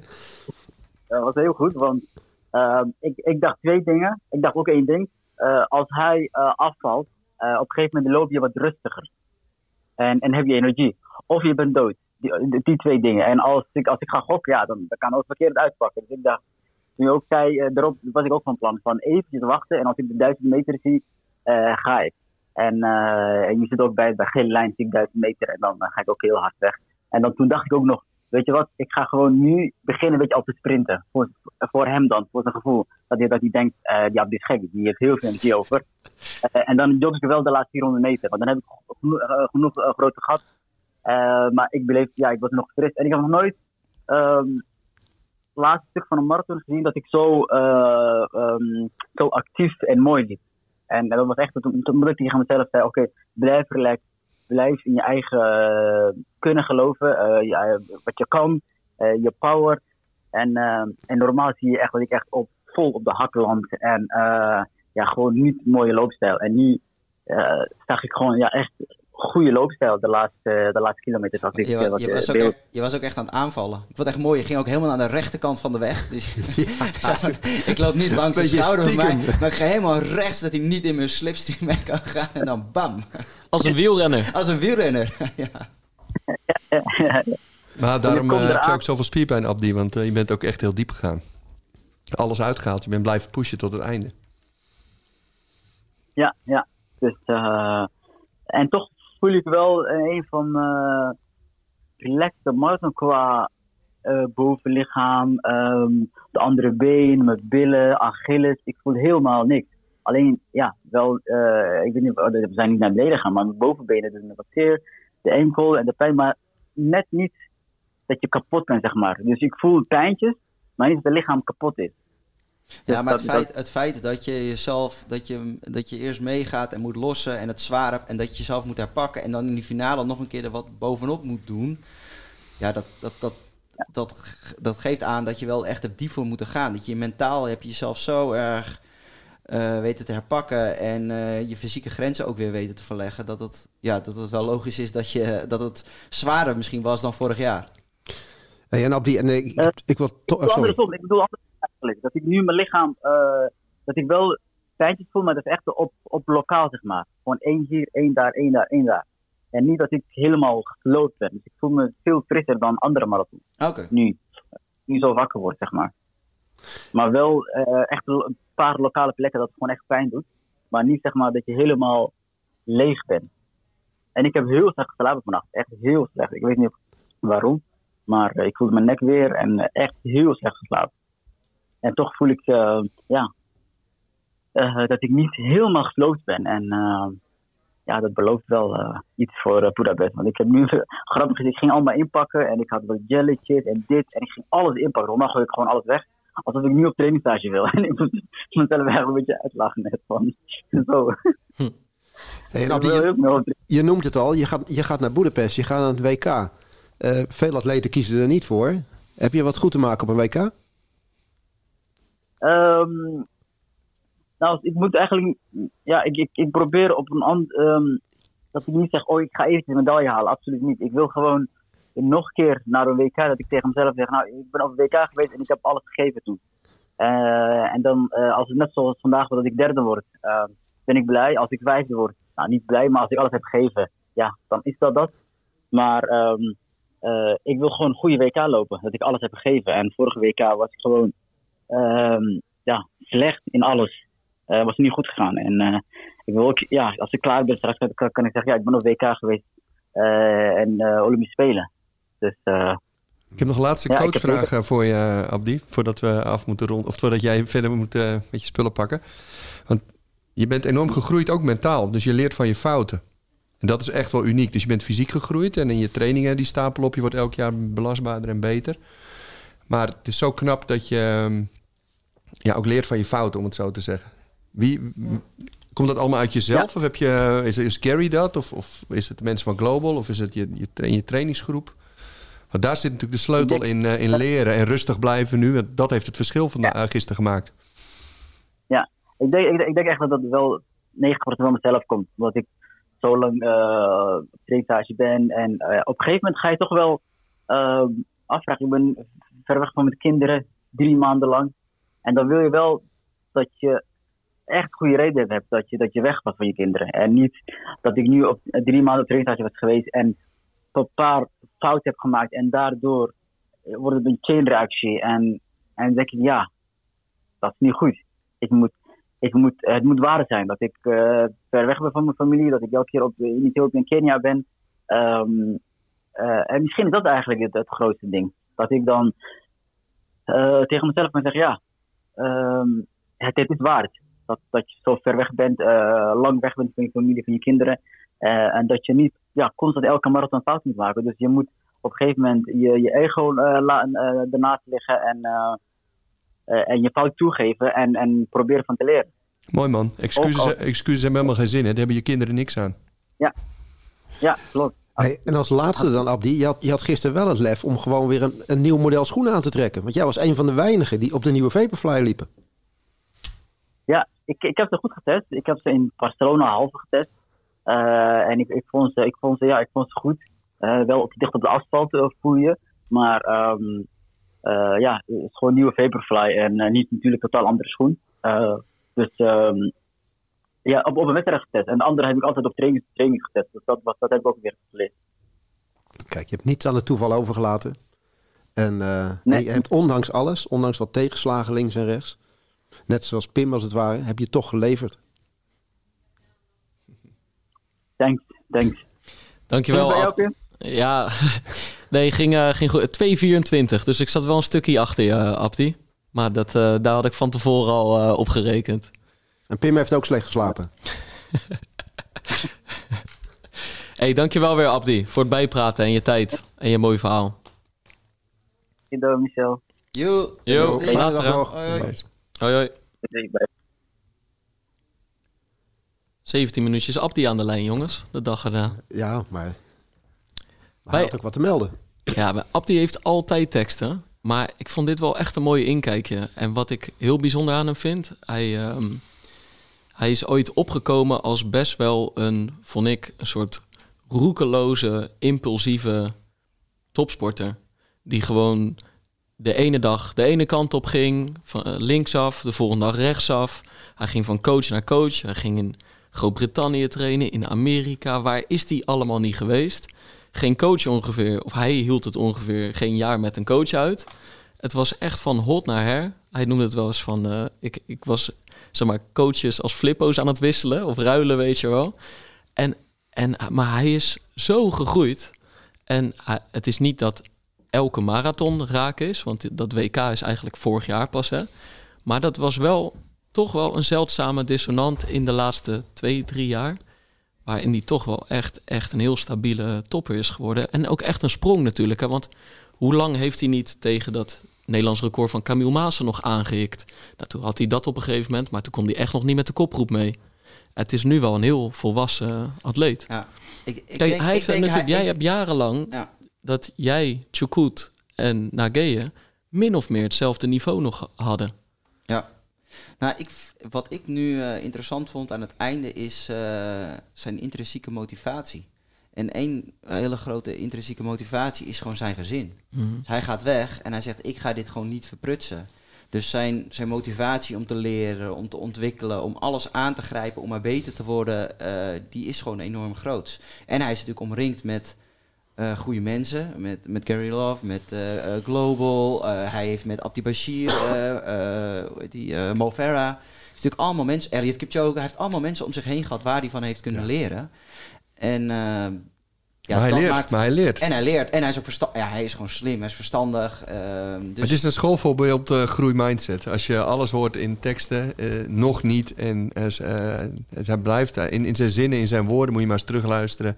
Is hij met groei bezig en verbetering. En je merkt gewoon dat hij de, de dingen uit het verleden eh, gebruikt om eh, straks in Budapest. eh, En nu dus alweer. Want als je goed luisterde, had hij het nu alweer over de komende maanden. ja, Ja, maar dat is ook, eh, dat, dat is ook eh, wat zij ook doen. Hè. Ik sprak gisteren zijn, eh, zijn coach na afloop nog even van... eh, wan- wanneer zie je deze, deze jongens nu weer? Hè? Want, want Gary is natuurlijk ook de coach van, eh, van Bashir. Hij zei, nou, hij zegt, laat ze nu eerst even gewoon een maandje, een week of zes met rust. Dus ze moeten nu gewoon op naar de familie terug en alles. Want dat is de situatie waar Bashir ook in zit. Hè. Die gaf dat gisteren ook nog, eh, nog aan in de persconferentie. Zijn gewoon eigenlijk zes maanden per jaar zijn ze gewoon in Oost-Afrika. En ze zijn zes maanden per jaar thuis. Dat gold voor Bashir. En voor Abdi is misschien nog wel meer, eh, zeg maar in Oost-Afrika. Omdat zijn gezin natuurlijk ook, eh, ook daar zit. Het gezin van Bashir zit in, eh, in België. Dus dat is een enorme opoffering die zij, eh, die zij doen. En die zij vragen van hun gezin. En Abdi was gisteren ook wel duidelijk. Die is ook wel redelijk duidelijk over hoe zijn carrière er nog uitziet. Hè? Hij geeft heel duidelijk aan van nou, 2025 is waarschijnlijk mijn laatste jaar. Dan, eh, dan is het mooi geweest. En dan wordt het tijd om, eh, om aandacht te geven aan, eh, aan mijn gezin. Er zijn alle opofferingen daar geweest. Dan worden de kinderen ook ouder en dan gaan ze het meer doorkrijgen. En Ja, dan, dan ja. ga je echt dingen Maar hij is er heel, heel helder in. En, eh, Ik heb hem in februari geïnterviewd. Toen was hij eh, echt een, een middagje in Rotterdam. Volgens mij voordat hij die halve in Barcelona liep. Spoedbezoek bij Prachtig. Eh, hè, dus dan kon hij al op de foto worden gezet met de Erasmusbrug op de achtergrond. En ehm, toen zei hij, ik ga dit leven nog maximaal drie jaar volhouden. Daar wil ik alles uithalen. Maar inderdaad, zijn oudste kinderen, die, die vragen gewoon nu van hoe lang ga je weg? Ja, en dan moet je uit gaan leggen dat je drie maanden wegblijft. Dat is natuurlijk, eh, dat is wel echt een opoffering. Want mensen hebben, weet je wel, iedereen bij de marathon heeft het altijd over hoeveel je ervoor moet opofferen. Maar daar bedoelen ze eigenlijk, weet je wel, of hoeveel je ervoor moet doen, voor moet laten. Kan niet drinken. Maar ja, ja, niet drinken. Of dan hebben ze het over de zondagochtenden waarop getraind moet worden. Maar dit is wel even andere koek Ja, en, natuurlijk. in, en in veel meer sporten ben je natuurlijk meer thuis. En zij geven gewoon heel duidelijk aan... als wij met de wereldtop mee willen doen... dan moeten we gewoon daar trainen waar de wereldtop eh, is. En dat is in dit geval gewoon... En op is, het, hoogte. is het Ethiopië of Kenia En op hoogte. eh, waar ze zitten op hoogte.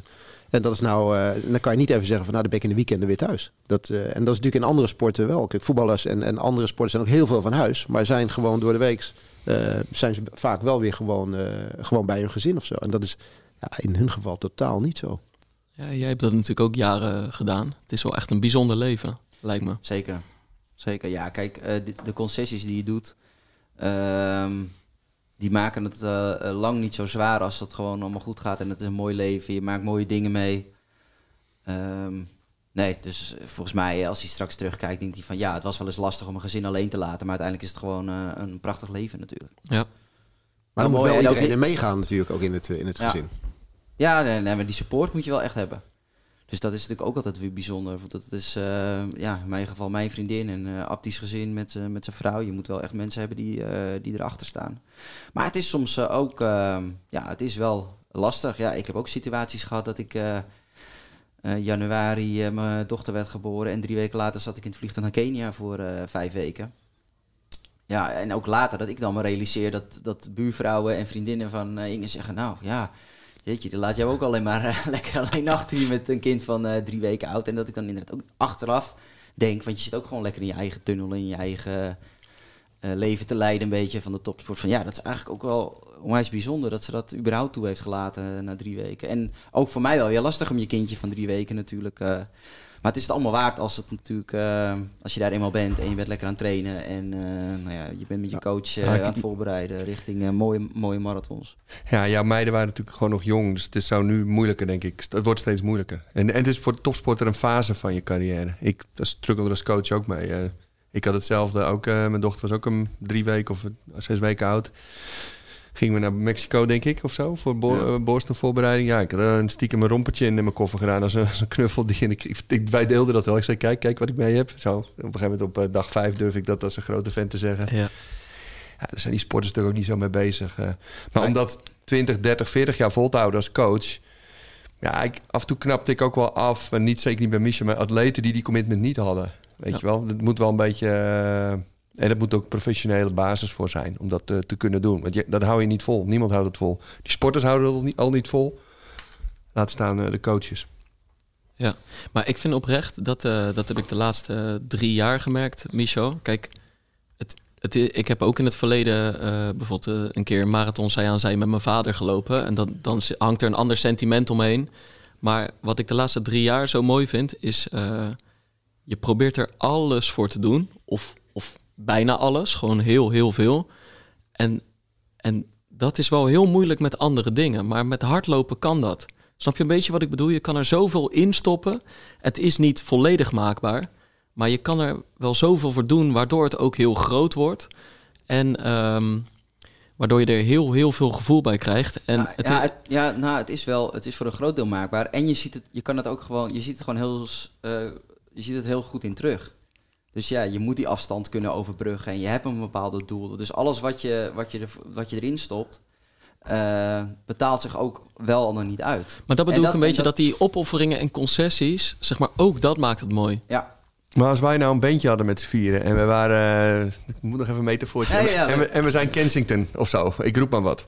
Dat is toch exact hetzelfde verhaal. Dan, dan ga je toch met hart en ziel. De een houdt de website bij in de beginjaren. De ander die doet de social media. Weer eh, eentje die... En het is toch dag en nacht met de band samen. Dat is, dat is toch eh, allesomvattend wat je doet. Je hebt een droom en je steekt de koppen bij elkaar. En, en dat zijn ook zoveel jonge artiesten of kunstenaars. Ja, het is niet het ja. enige. Nee, het is niet maar, per se... maar nu heb je het ook nog eens over de absolute top natuurlijk. hè. Nee, Het het gaat- bij, over het begin waar dat zaadje geplant wordt... waardoor die gasten het wel gered hebben. Ja, zeker. Maar eh, En wat, die wat, end- wat, met, wat, wat, wat de marathon zo, hè, dus al die 17.000 mensen die gisteren ook nog eens eh, hebben gelopen. Of dat nou op een. Arjan Robben bijvoorbeeld. Finished gisteren onder de drie uur. Die werd gewoon, die- die kon nog net zeg maar drie keer slikken toen hij zei van ja, het is gewoon onwijs, eh, er zit gewoon heel veel eh, emotie in. Dit is misschien wel net zo mooi als eh dat Champions League, Champions. League ja, ja, goal, ja. en daarachter, ik zag Robert de Rijk finishen van, van de NOS. En die ging even naar hem toe. Ik gaf hem een schouderklopje. En iedereen stond er een beetje omheen. En hij was over dat hek. En ik dacht dat hij onwijs moe was. Was hij ook wel. Eh, maar die had, eh, d- d- bij hem ging door zijn hoofd dat zijn eh, dochtertje geboren was. En in januari heeft hij zijn moeder verloren. En dat komt onwijs hard binnen. En volgens mij is het bijzondere van de marathon dat, dat je dat, die combinatie van de dingen die je meemaakt in je leven en al die opofferingen die je Ja. doet en alles wat je erin steekt, dat betaalt zich gewoon echt uit op de finish. Hoe Ja. En dat is het verschil tussen een halve marathon en een marathon. ja, of misschien tussen eh, eh, kampioen worden. Ja, ik weet niet hoor. Misschien zijn ook heel veel mensen heel blij met, met, met kampioenschap van, eh, van de lokale vereniging. Maar ja, blijkbaar een Champions League goal en deze marathonfinish voelde voor Arjen Robben net Ja, zo. eh, ja, dat is het geldt, voor, het geldt voor veel mensen. Ik had zag bijvoorbeeld Jeroen Guter, die commentator Oh, van ja. eh, precies hetzelfde. Dus je ziet, die, die heeft dan een vriendin die heel erg eh, eh, lang en fanatiek is met, eh, met het hardlopen. Was helemaal niet zo'n hardloper in het begin. Die nu besloten had om Rotterdam te gaan lopen. Hij was vorige week even bij ons in de winkel. Eigenlijk gewoon stik nerveus, zeg maar, van wat er gaat, eh, gaat gebeuren. En ik zag hem gisteren op, eh, op Rijnmond even toen hij finishte. Ja, volledig emotioneel. Terwijl dat toch een, eh volgens mij stoer, in zijn commentaar stoere vent is. Perfectionist, alles goed voorbereid en alles. Maar dit gewoon als iets, hij zei gewoon iets magisch vond als het ware. En dat is toch wel bijzonder op, op welk niveau, wie het dan ook is. Weet je, voor iedereen is het een, eh, is het een eigen verhaal. Maar zullen we hem dan eh, afronden als hoe belangrijk sport gewoon is in de maatschappij en voor mensen persoonlijk, wat Michel zegt, wat we allemaal zeggen. Dus gewoon wat sport ons brengt. Dus zelf sporten, kunnen werken in de sport, beleving, positiviteit in de, positiviteit in de, in de stad. Dus naar een evenement toe kunnen of een buurman aanmoedigen of, of voor een doel lopen of, of gewoon trots op jezelf zijn. Je kunt natuurlijk alles plat slaan en zeggen het is maar sport. Maar Nou, dat sport, dat, ja, het zijn gewoon de mooiste dagen uit je leven, Pim. En eh, de, de- deze weet je over eh, op je sterfbed nog. Ja, ik, heb, ik, ik kwam er dus vanochtend achter. Het was nogal een roes gisteren. Ik kwam er vanochtend achter dat ik hem nog niet op Strava had geüpload. Nou, dat, dat, dat overkomt me niet vaak. En, ja, Had je druk? Ja, ik had het, ik had het redelijk druk. Dus, ehm, Waar is die medaille? dus eh, eh, waar was ik mee bezig? Dus, zet. oh ja, dus ik gooi hem op Strava. Maar mijn Strava-titel is... eh, wat was mijn Strava-titel ook weer? Iets van nooit meer vergeten of zo. Gewoon, het, het is elk jaar, dat meen ik oprecht, de mooiste dag van het jaar. Zo, zo ervaar ik het. Volgens mij heb jij dat ook, Erik. de marathon van Rotterdam is. En ik denk echt wel, ik wil later dit jaar wil ik de marathon van Athene gaan lopen. Sentiment, historie, dat wil, dat wil ik gewoon een keer doen. Maar, maar dat, dat in Rotterdam, het- ik vind het onevenaarbaar. Hoeveel mensen er bij slingen staan, is gewoon niet Nee. normaal. Nou, En ik, ik ehm, eh, oprecht, Erik, op een gegeven moment die, die Boezemstraat. Nou, dat heb ik al honderd keer verteld, hoeveel vrienden daar niet staan. En mijn collega's en eh, heel bijzonder. Maar dan ga je daar naar die, die lus, Kralingse Bos. En ik kom terug, dus dan ben je bij 39 kilometer. Maar dan heb je natuurlijk, dat, dat is bijzonder. Dan heb je twee kilometer lang, ook in mensen, tegengestelde ja. richting, de lopers. En ik hoorde zo vaak mijn naam, maar dat waren Pezen-luisteraars. Die dus gewoon, die dus gewoon op weg waren naar het bos. En dachten, we moeten die podcast maken, even nog een veer in zijn reet steken. Maar dat was, dat was echt een zalig gevoel gewoon, weet je. Ja, Ik ben ook gewoon een ijdel mannetje, dus bosje vooruit zo. Maar gewoon, dat, is, dat was echt bijzonder. Dat, hoe dat gegroeid is de afgelopen drie jaar. Maar weet je wat het meest bijzondere is? Dus, ehm, kijk, ik heb dan net Abdi gemist. Hè? Dus ik heb niet, eh, toen, toen ik zeg maar daar liep, heb ik niet Abdi gezien. Maar Zij zien mij dus. Nou, dan ik finish. Dan, zij zijn het bos in. Maar daarna, ik sta met jou te knuffelen. Ik sta met Guido te knuffelen. eh, ik sta koud te vatten. Ik stap op mijn fiets. Weer naar de Boezemstraat. Aangesloten bij eh, mijn vrienden. Tien minuten later komen mijn ouders voorbij. Want mijn ouders liepen, Fred en Edith.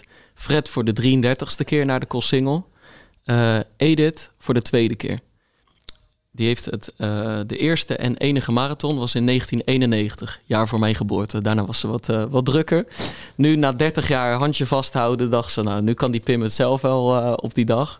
En ze is hem weer gaan lopen. Maar zij heeft jarenlang met Achillespeesklachten gekampt. Zit in de familie, hè? Zit in de familie. Ja, ik ben ook drie jaar een keer uitgeschakeld vanwege hardnekkige peesblessure. Maar die heeft stapje voor stapje zo opgebouwd tot uiteindelijk gewoon vlierenfluitend, bij wijze van spreken, de 30 kilometer trainingen bij pak kunnen doen. En die liep zo met vertrouwen gisteren. En Maar ook dit betekende wat voor haar. ja, En- en zeker. voor jou. Heel veel. Ja. Ja. Marathongezinnetje waren we. Dat is echt prachtig. Maar ze zijn dus tot en met 35 zijn ze samengebleven. Maar Fred had vanaf oktober eh, knieklachten. En Edith eh, die dacht, ja, ik kan onder de 4,5 uur. Maar niet als ik bij die oude blijf. dus die, laten heeft, staan? die heeft hem even gelost nog. dus Edith is gefinished in eh 4 uur 29. Fred in 4 uur 34. 33ste keer Ze heeft wel keurig netjes op plekje opgeschoven eh, bij de Super Ma- eh, Master Marathon eh, lijst. Maar eh, we, die, kwamen, die kwamen vervolgens weer naar de Gele Canarie. Hey, en Dat is een kroeg. dat is een kroeg. eh, de Gele Canarie, eh, Mariniersweg. Dus dat is eh, bij de 40, 41? 41. Ja, 40, half 41 is een beetje. Precies. En daar staat zo ongelooflijk veel volk. En er wordt ook wel het een en ander ingenomen. Maar eh, wat het bizarre dus is... Zij lopen hem dan in rond de 4,5 uur. Dan zijn zij op een gegeven moment over de finish. Maar er zijn er nog steeds mensen aan het lopen. Echt. Het was op een gegeven moment half vier smiddags. En dan zie je nog steeds mensen daardoor Alp de West bij de Gele Canarie eh, doorkomen. Het, is, het, het, het houdt maar niet op, die 17.000 half lopers. vijf wordt de laatste loper binnengehaald. Ja. Dus eh ga maar na. Tien uur is de start. En om eh, zes en een half uur later eh, sluiten ze de boel af. Ik denk dat wij volgend jaar ook maar een keer naar de after moeten weer bij Pim, Guido. Ja, wel, ik hoorde, volgens mij is dat wel, wel een bijzonder tafereel. Het wordt alleen maar bijzonder eigenlijk al die laatste lopers om daar eh, bij te zijn. Ik moet wel Nou, zeggen... had hij moeten kiezen gisteravond. Ga ik met dat meisje mee of blijf ik, bij, blijf ik mijn coach in de kroeg? Gele kanarie. Nee, maar het is wel zo. Het, eh, ik hoorde, ja, nee, we hadden natuurlijk ongeschreven afspraak. We gaan maandag de Pacer doen na de, de day after. En dan hadden wij niet goed. Ja, jullie hadden het even. En toen hoorde ik het. Michel zei het eh, zaterdag. Oh shit, sorry, vergeten te zeggen maandag. En Erik zei gisteren in het hotel. Hey, blijf je slapen? Oh, dan kunnen we meteen door naar de. Dus toen zat ik echt, eh, had ik error in mijn hoofd. Had ik echt error, want ik zag gewoon die witte de wit, die belofte, die biertjes waar ik wil gaan. En, die, eh, en dan gewoon hier blijven. Ja, hoe makkelijk was het? Of naar huis, eh, mijn werk nog doen, eh, en met mijn gezin zien, eh, op tijd naar bed en dan eh, de wekker. ik heb voor het laatste gekozen, maar. mm, eh, Volgend jaar. Het is wel, ja, het is ik wel, moet er gewoon all in gaan, Michel. We Ja, gaan gewoon all in volgend jaar. het is wel, het was eigenlijk te druk bij de Gele Canarie. Je kon gewoon, ja, alsof je gewoon op een festival op Lowlands staat in zo'n te, Nou, te, te, te grote massa met te weinig ruimte, met te harde muziek, met te bezopen maloten. Alleen ja, het was ook, ja, maar je bent natuurlijk zo. Ja, maar wat je zegt te druk. Maar mijn Ja. vrouw stond bij de, bij de finish. En die zei op een gegeven moment... ik ga naar de Gele Canarie. Want wij, daar komen alle mensen van, de, van het werk komen daar. Dus ik ga daar eventjes naartoe. En die kwam een half uur later... kwam die gewoon onverrichte zaken weer terug. Zegt niet te doen. Nee, niet te doen. niet te doen. Ik, ik, ik bedoel, ik kwam daar aan, maar eh, ik, ja, ik heb natuurlijk geen richtinggevoel. Dus ik ging eigenlijk aan, het, aan de verkeerde kant ging ik de massa in. Dus mijn vrienden stonden helemaal rechts en ik ging er links in. Ik ben twintig minuten bezig geweest om Oh, door die menigte te murmen. nou ja, dat, Maar ja, je als je dat handtekeningen uitdelen natuurlijk, hè? af en toe op de foto. Ja. Nee, maar dat, ja, dat, op dat, dat was mijn minst mooie de- moment van de dag. Want dan wil je gewoon naar je vrienden toe. En dan loop je daar gewoon... Er kwam maar geen beweging in, weet je wel. En te, maar het was... eh, Maar vertel even verder. ja, maar daar komen we nog op. Daar komen Ja? we nog op. Oh. Ja, zeker. Daar komen we nog op. Daar komen we- Maar die, die afterparties die zijn al, allemaal geweldig. Zijn die, eh, zijn die toch? Want als ik... Wat ik wel mooi vond, wij moesten... eh, Jij hebt hem weer op een ander moment, of een andere op plek ja, bele- op, een, op een ander moment. En heel veel mensen denken op een ander moment. Want wij hadden bijvoorbeeld na afloop hadden we eh, de dopingcontrole voor de topatleten in het Hilton Hotel. Op de eerste etage is de dopingcontrole daar. Maar het Hilton Hotel, en niet alleen het Hilton Hotel, wordt, die, wordt eigenlijk vanaf vandaag door heel veel lopers alweer geboekt voor volgend jaar. Heel veel lopers boeken daar een kamer. En dat zijn heel veel andere hotels. Daar verzamelen ze, zeg maar, verzamelen ze zeg maar, op zondagmorgen. En, eh, en, en in dit geval mijn vriendengroep heeft altijd kamer 1029. Dat, is gewoon, dat moet dan ook die kamer zijn, zeg maar. Die wordt nu alweer gereserveerd voor volgend jaar. En dan wordt echt de week van tevoren al gezegd... Nou, wie neemt de chips mee, wie neemt de, de cola mee en noem maar op. Er wordt 's vroeg wordt die volledig ingericht. Iedereen verzamelt daar, verkleed daar, gaat van daar naar de start toe. En één voor één druppelen ze dan, en dit gaat om een mannetje of negen, zeg maar. Die druppelen dan na afloop één voor één, druppelen ze daar gewoon die, die kamer in eh, voor half dood natuurlijk. De een goed gepresteerd, de ander niet goed gepresteerd. En in dit geval gaat het bij ons om, je wordt natuurlijk maar op één wedstrijd afgerekend in het jaar. Alleen maar dit. Maar je ziet overal van die kamers die gewoon helemaal vol zitten. Nou, we hebben het verhaal van Van de Hoven en Van Kempen gehoord vorig jaar. Het gebeurde in de jaren tachtig al. Koos in de chocoladetunnel. Koos in de chocoladetunnel, ja, precies. ja, ja, ja, inderdaad. Ja. Dus, ehm, maar ja, gisteren was ook weer zo'n eh, zo'n voorbeeld. Maar het was wel, was wel even mooi. De jongens waren boven allemaal. En eh, ze hadden zelfs masseurs op de gang neergezet met, met, met tafels en al. Dus ze lagen helemaal verkrampt. En ehm, ik was met Bashir bij, eh, bij de doping. En die kon maar niet pissen. Het duurde maar. En op een gegeven moment zegt hij... Erik, Erik, het is niet een gym hier of zo. Dan kan ik even fietsen. Dus ik zeg, nou, ik loop wel even naar beneden, even kijken. Nou, gevraagd, ik heb hier de winnaar van de marathon. Die wil even fietsen in de gym. Nou, geen probleem. Dus hij naar binnen, half uurtje fietsen. En eh, wij wachten. En hij klaar. En ik zeg, kan je, kan je nou pissen of nog niet steeds? Nee, nee, nog steeds niet. Dat is misschien over een kwartiertje of twintig minuten. Ik zeg, nou, weet je wat? Ik heb nog wat vrienden boven zitten op kamer 1029. Ik zeg, misschien vind je het leuk om daar nog eventjes gedachten te komen zeggen. Dus ah, is goed. Dus, ehm, dus hij gisteren boven mee naar eh, kamer 1029. En die gasten werden natuurlijk helemaal gek dat hij eventjes, eh, even aankwam. Ja.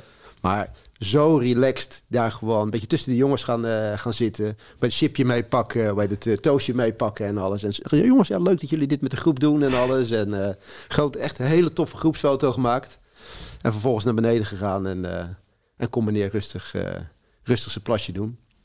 Maar als je ziet wat er dus in die hotels allemaal, allemaal gebeurt. Met al die groepen. En die dan na afloop inderdaad nog. eh, nou ja, jij gaat de kroeg in. Iedereen die gaat de kroeg in. Iedereen bij elkaar. Ja, dat is echt fantastisch. Ja, wa- want eh, wij hadden de laatste aflevering hadden we natuurlijk eh, Hans en Rob, Ja. hè, het iconische duo van Pak te gast. Die stonden bij de ingang van het Kralingse Ja, Bos. Zoals altijd. Dol enthousiast, was echt een mooi moment. Maar die, ehm, die hadden het altijd over dat hun after bij de stobben was. Ja. Nou, bij mij is die de- bij de Gele Canarie. Jij hebt nog de ballentent. Bij mij we eh, de ballentent. Ja. En die, die zit dan helemaal vol met marathonlopers. En dat is alleen maar, eh, ja, hoe heet het, eh, Nederlandse gouden ouwe die er gedraaid worden. En noem maar op. En het, het clublied van Feyenoord, het clublied van Sparta. Alles komt er voorbij. En eh, ja, dat is echt fantastisch. Ja, dat was ook nog, want het was natuurlijk eh, in Rotterdam draait alles om de marathon van Rotterdam. Maar Feyenoord, daar draait het eigenlijk ook wel om. Maar om kwart voor vijf speelde natuurlijk Feyenoord. Dus op een gegeven moment gewoon Kok van der Palm. eh, Ja. Wat gaan we doen vandaag om kwart Zeker, voor vijf uit de zeker, speakers? Zeker, zeker. En dit is het ongeveer de eerste keer dit jaar dat ik Feyenoord niet live gezien heb. En, maar ik kreeg wel her en der jou even zo de tussenstand zo.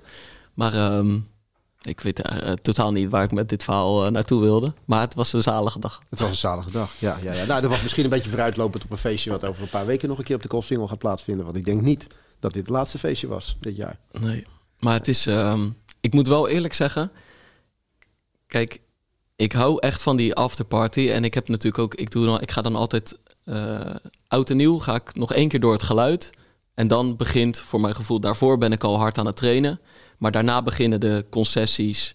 eh, in de zin van, dan ga ik gewoon niet meer uit. Ik gooi mezelf niet meer vol. En ehm, het is wel zo, kijk, al zou je na die marathon even napraten. Je gaat daarna op de bank zitten, NOS. Dan herleef je die marathon heel erg. Maar nu hoor je al die verhalen van iedereen. Maar ik moet wel zeggen, omdat ik me zo met alcohol heb volgegoten, weet je wel, het is één lange roes die dag. En ik heb, ik heb bijvoorbeeld gewoon de, de, voor het eerst in mijn leven heb ik, ik heb, ik zit nu met jullie na te beschouwen, maar ik heb heel die race nog niet gezien. Ik ga straks pas eh, gewoon integraal de NOS-uitzending eh, bekijken. Dus, het is een vrije dag voor jou vandaag, of niet? Eh, Nienke Brinkman loopt in Boston, net als Kipchoge trouwens. Dat is volgens mij start Nederlandse tijd half vier vanmiddag. Of vier, vier uur, ja, Eurosport. Ja, dus eh, als, Ja, ik denk eigenlijk dat er morgen een eh, verhaal in de krant Jij staat ligt- over Brinkman in Boston. Op, op de bank met het, Met je eh, met het schriftje schriftje gewoon lekker, leg jij ja. aantekeningen te maken over hoe die race gaat verlopen. Zo is het. En daarna ga ik uiteten met eh, onder andere René en een paar hardloopmaatjes. Dus het is een prima, prima dag. Maar ik ben niet vrij, maar dat maakt niet uit. Je bent niet vrij, nee. hey, en ehm, ja, we moeten erop terugkomen. Je, je kwam hier vanmorgen aanrijden en je vroeg, ben je brak? Zei je nogal. Hoe is, hoe is de avond eh, verlopen en hoe is die geëindigd, zeg maar een beetje? Nou ja, ik, ik kwam hier aan fietsen op de fiets van mijn huisgenoot. Ja, weer een andere fiets, maar dat zijn we onderhand wel gewend. Je, maakt, ja. Want mijn- mijn mijn eigen fiets staat nog ergens in een zijstraat bij de Gele Canarie. En eh, ja, ik werd niet, eh, niet wakker in mijn eigen bed. Dus Oh, het, is, eh, het is en laat geworden. En ja, het was een goede, goede avond. ja nou, dan hoop ik dat het in goed gezelschap was. Het was goed gezelschap. Nou, dat is fijn, dat is fijn. Dan nog een laatste ding die erop, eh, je zei, ik, mijn medaille. Ja, ik heb, ik, of ik ben hem in de Gele Canarie al eh, kwijtgeraakt. Of hij, is nog, eh, hij slingert nog ergens rond. ergens in je bed. Ja, ik weet het niet. Nee, niet in zijn bed. Oh nee, in, Je moet dat bed, in opletten. dat bed. Nee, maar, eh, we- maar ik moet ook al wel zeggen, want gisteren bij de Gele Canarie, eh, hoe heet het? Je kan graveren toch? Die eindtijd, maar ik doe dat eigenlijk nooit. Ik heb, heel veel mensen doen het voor die medaille of zo. Dat, dat, dat, dat voelen ze ook als iets heel belangrijks. Ja, op een of andere manier heb ik dat niet. Ik, eh, ik bewaar ze ook niet echt of zo. Het is... eh, Ho- Hoeft ook niet, hè? het zit bij mij, niet verplicht. ja, bij mij zit het in mijn hoofd. En is die medaille niet echt iets... Nou, het eh, zou iets tastbaars kunnen zijn voor over 30 jaar. Dat je die medaille wellicht. hebt en als je hem dan Ja. ziet in het bejaardenhuis, ja, dat je dan het verhaal hebt van die 224. ja, dus mocht iemand hem vinden, dan... eh, Maar je kan ook gewoon de podcast terugluisteren over 40 jaar. Ja, we zijn toegevoegd aan het Nationaal Archief van Beeld en Geluid. Hè? Dus Ja? over 300 jaar kunnen mensen nog naar de Pezen luisteren. Dit zijn, dit zijn woorden voor de eeuwigheid Ja. die je allemaal uitspreekt. Ja, dus let op wat je zegt. Ja. Ja. Hey, Oh, jij wilde nog... Oh ja, ja? ja, ook nog. Wat schrijf je nou? nog? Een Eh, envelop, een envelop. Ja, een envelop. Want dit is... eh, ja, misschien moet jij maar uitleggen wat, Ja, wat het ja, is. dus wat we, ja, dat we maar klein, ja, het is, een, het is een korte traditie natuurlijk, maar die hebben we wel gemaakt. Dat ik gewoon van tevoren een envelopje Ik, maak. zie, ik moet even getuige zijn. Kleine er staat voorspelling eh, doen. 16 4 2023 PIM. Eh, en de envelop is eh, ja, eh, gesloten, verzegeld. Jij, jij hebt in je glazen bol gekeken, probeer- Erik. ik Wanneer heb je hem ingevuld? Te bedenken, ik, heb, nou, ik zal je zeggen, ik heb hem gistermorgen pas ingevuld. Ik wilde gewoon per se weten wat voor weer het was. Ja, en ik ben gistermorgen vroeg, om denk ik rond 8 uur, eventjes naar de start eh, gefietst.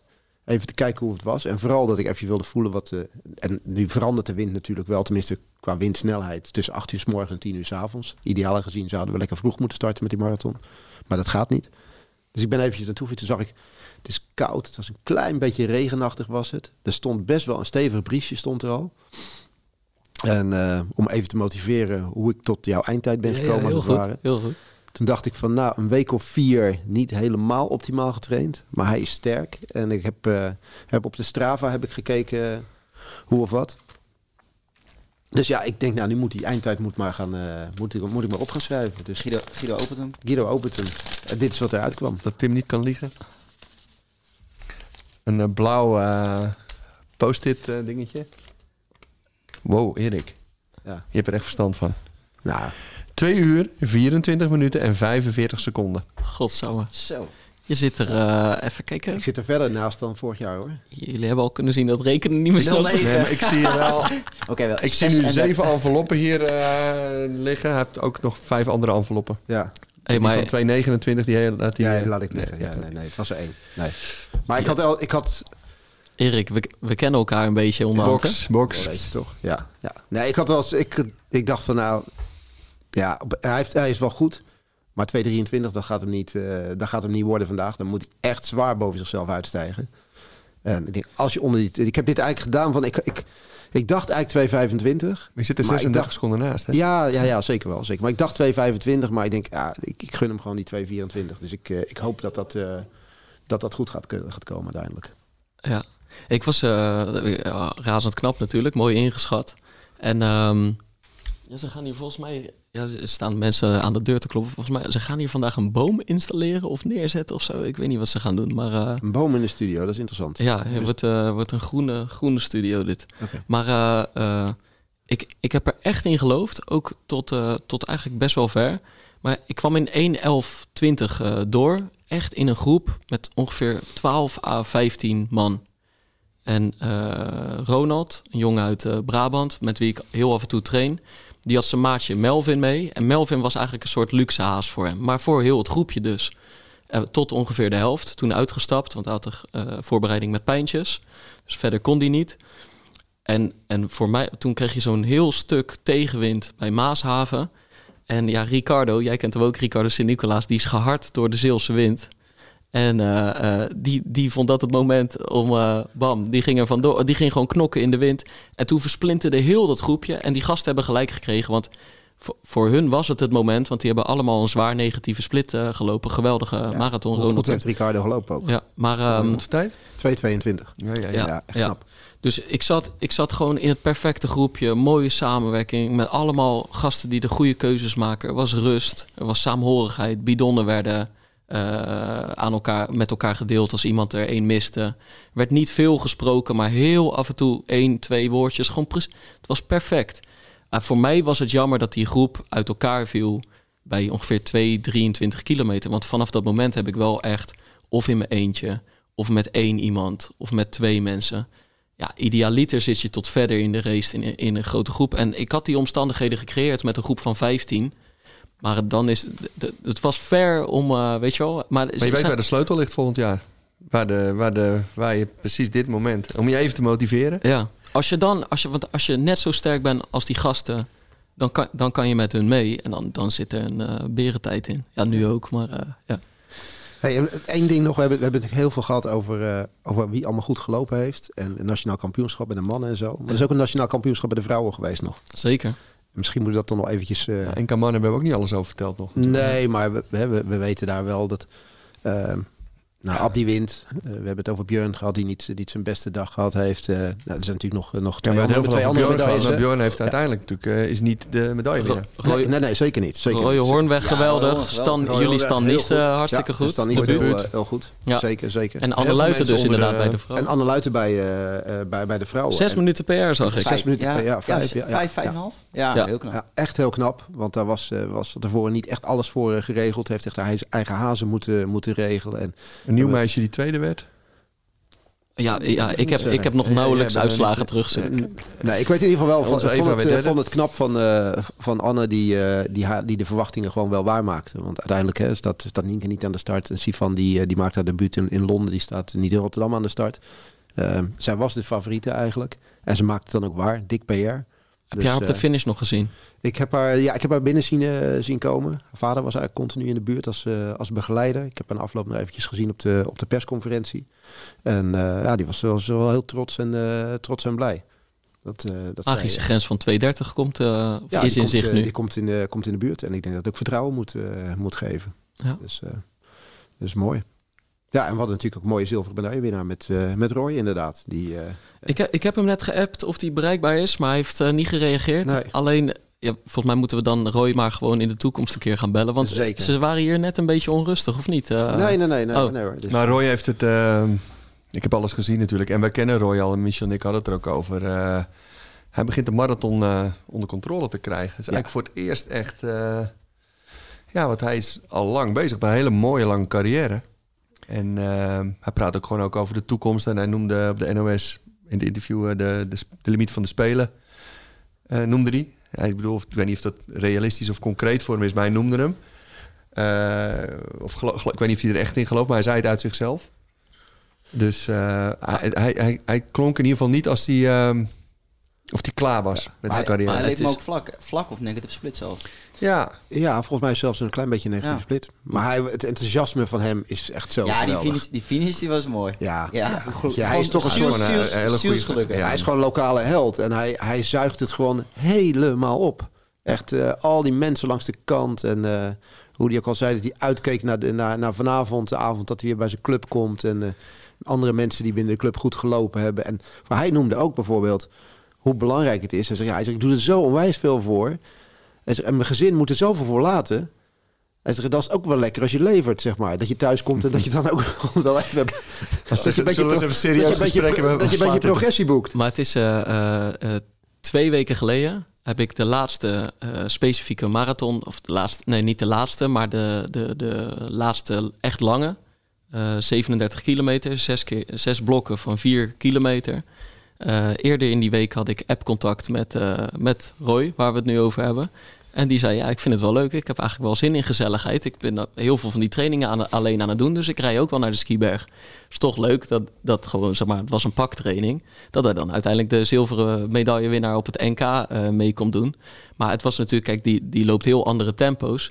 Maar hij, hij had gewoon behoefte aan eh, niet alles alleen doen. Dus wat deed hij? In, in zijn 1 kilometer rustblok keerde die om. En dan liepen we ongeveer 900 meter samen op. En dan, eh, dan knalde hij weer weg in, eh, laten we zeggen, 3, eh, 3.10 of zo. En ik liep hem dan in 3.23. En dan kwamen we in de pauze weer bij elkaar. Maar toen, toen liepen we op een gegeven moment het laatste blok. En, en hij zei, even euforie pakken. En dat doet hij gewoon vuistjes in de lucht. Hij was zo blij met die training. Hij- ook hij voelde toen van, het zit gewoon goed. En toen appte hij me later die dag nog. Dat is even... eh, Roy is een en al transparantie, dus dit, dit appje mag ik gewoon voorlezen. Hij zegt, geweldige training Pim. In de auto alleen maar goede muziek geluisterd en keihard. Bij thuiskomst, handjes in de lucht naar de vrouw. Ja, dat is, je ja, maar geweldig toch? Maar zo, ja. Ja, maar je hebt toch een blije vent thuis die Ja. een passie heeft. Ja, maar zo is het toch. Als jij, hij ook vertelt, hij vertelde dat volgens mij vrijdag in de, in de persconferentie. Hij zegt, ja, hij zegt, ik wil dan ook die energie opslurpen. Hij zegt, ik laat me dan met de hij woont net even buiten Rotterdam. Ik laat me met de waterboot laat ik me afzetten onderaan de Erasmusbrug. En dan loop ik vandaar loop ik terug. Heb ik toch een beetje dat Rotterdam gevoel alvast een beetje. Moet toch gewoon heel even hij dat. toch kijken of die bereikbaar is. Ja, Hey, nog bereikbaar even over zijn. Hè. Ga jij me even bellen, maar 10640 eerste helft, 10639 tweede helft. Ja, Ja, dat. Op een seconde. Wat, Ja. eh, Dat. Ja, we- we- misschien neemt hij niet op, want we hadden Nee, geen afspraak. Hij heeft me wel gisteren half elf eh geappt. Dus kan je al slapen? Ik niet. Waar ben je? even kijken. Oh, wacht. Moet ik wel het geluid aanzetten. Ik hoop dat hij opneemt. Hij zal niet de fruitkist aan het sjouwen zijn nu. hij is wel in zijn eigen bed wakker geworden, dat weet ik zeker. Ja, dat ga ik wel vanuit. Ehm, dat zou jammer zijn, Roy. Ja, ik denk dat hij het zelf ook jammer vindt. Deze oproep gemist heeft eigenlijk. Misschien eh, belt hij terug. Dan heb- kunnen we natuurlijk ook Staniste nog gaan bellen. Jullie mannen, vertel dat even. Want dit is eh, eh, al jaren een goede loper. Maar had nog nooit een marathon gelopen. Ja, het, het is gewoon een heel mooi verhaal. Eh, uit de regio. Michel heeft ehm eh, bollen gepeld bij het bedrijf eh, van zijn ouders. En eh, vroeger, dus toen was Michel denk ik, eh, hoe oud was je? Ja, ik was ehm ja, 13. En Stan was... mag eh, niet zeggen, maar, Stan oh ja, illegaal. En Stan was... eh, maar Stan was eh, denk ik drie, twee. Ja, op zijn kleine tractortje reed hij dan tussen de bollen. En eh, ja, zo lang ken ik hem eigenlijk al. Ja, en eh, zijn moeder heeft ook een uh, tulpenkraam langs de weg. En die heet Tini Tulp. Nou, Selma is mijn vrouw. De moeder heet ook Tini. Zit ook een bollenbedrijf. Heet, eh, heeft ook een kraampje langs de weg gezet. Nou, maar dat kan Schep helemaal toch niet. een band. Want, mijn, mijn schoonmoeder heet ook Tini Tulp. En eh, ja, het leuke gozer. Ja, ruwe diamant. eh, grillig nog een beetje. En eh, ja, het is voor ons ook heel leuk Michel en ik dat samen doen. En ehm, ja, er zit, zit veel potentie in. En gewoon leuke gozer. En ja, veel potentie. En ehm, ja, gewoon een steady eerste marathon, 2.14. Er- niks, niks mis mee. En ehm, hij vindt trainen mooi. Hij is ook eerlijk oprecht, veel humor. Nou, de- in het trainen vindt hij, eh, de marathon heeft hij niet gelopen. Hij heeft het al eh, met Guido over. Ja, ik wil straks eh, wel ook eh, fietsen en, eh, en weer lopen. En ik wil, eh, ja, wil je dan een, eh, najaarsmarathon doen? Ja, dan staat hij eigenlijk alweer te popelen om, eh Ja, om vol met te plannen. gaan. Ja, en eh, maar heel mooie, mooie strijd ook met, eh, met Roy onderweg. En ook gewoon heel, eh, hebben heel veel aan elkaar gehad. Twee sportieve gasten die het elkaar ook gunnen. Dus eh, ja, Waar liggen zijn grenzen? Eh, niet. Die liggen echt wel, eh, ja, liggen wel dik onder de 210. Eh als je het over grenzen hebt. Dus ja, als hij maatschappelijk en sport goed kan combineren, hij blijft leren en zich ontwikkelen. Ehm, ja, het heeft een hele goede motor. Dus hij heeft ook lang geen goede voorbereiding gehad. Echt drie keer ziek geweest. Rond Egmond, rond en na CPC twee weken. En, EK Cross. en na de EK Cross. Dus elke keer... dus dat, ja... Ik bedoel, dat was lang niet... eh, dat was echt lang, lang, lang niet de gedroomde voorbereiding. Dus, eh, maar ja, bij hetzelfde verhaal. Gewoon ook de laatste periode was gewoon weer erg goed. Maar waar zit nou de, de winst om eh, wel 2-12 te lopen of zo? Zit gewoon daarin natuurlijk. Je, je zegt het al, van, hij, hij staat eigenlijk alweer te popelen dan. Hè? Abdi hoorde je het eigenlijk net ook. Ik, ik, ik ben ook alweer in mijn hoofd plannen aan het maken. Het is heel raar. Je, Aan enthousiasme geen gebrek. ja, maar, zeg maar je kijkt er een half jaar naar uit of zo. Je bent er maandenlang mee bezig. Die laatste week stijgt de spanning al tot een kookpunt. Je stopt alles in die dag. Dan kukel je daarna, dat heb ik toen anderhalf jaar geleden een beetje gehad. Toch wel in een soort van, ja, ge- geen zwart gat. Maar het is echt wel raar als je zo lang een heilig doel hebt gehad. Om dan ineens geen doel meer te hebben. Maar wat, hebben gisteren 17.000 mensen een marathon gelopen.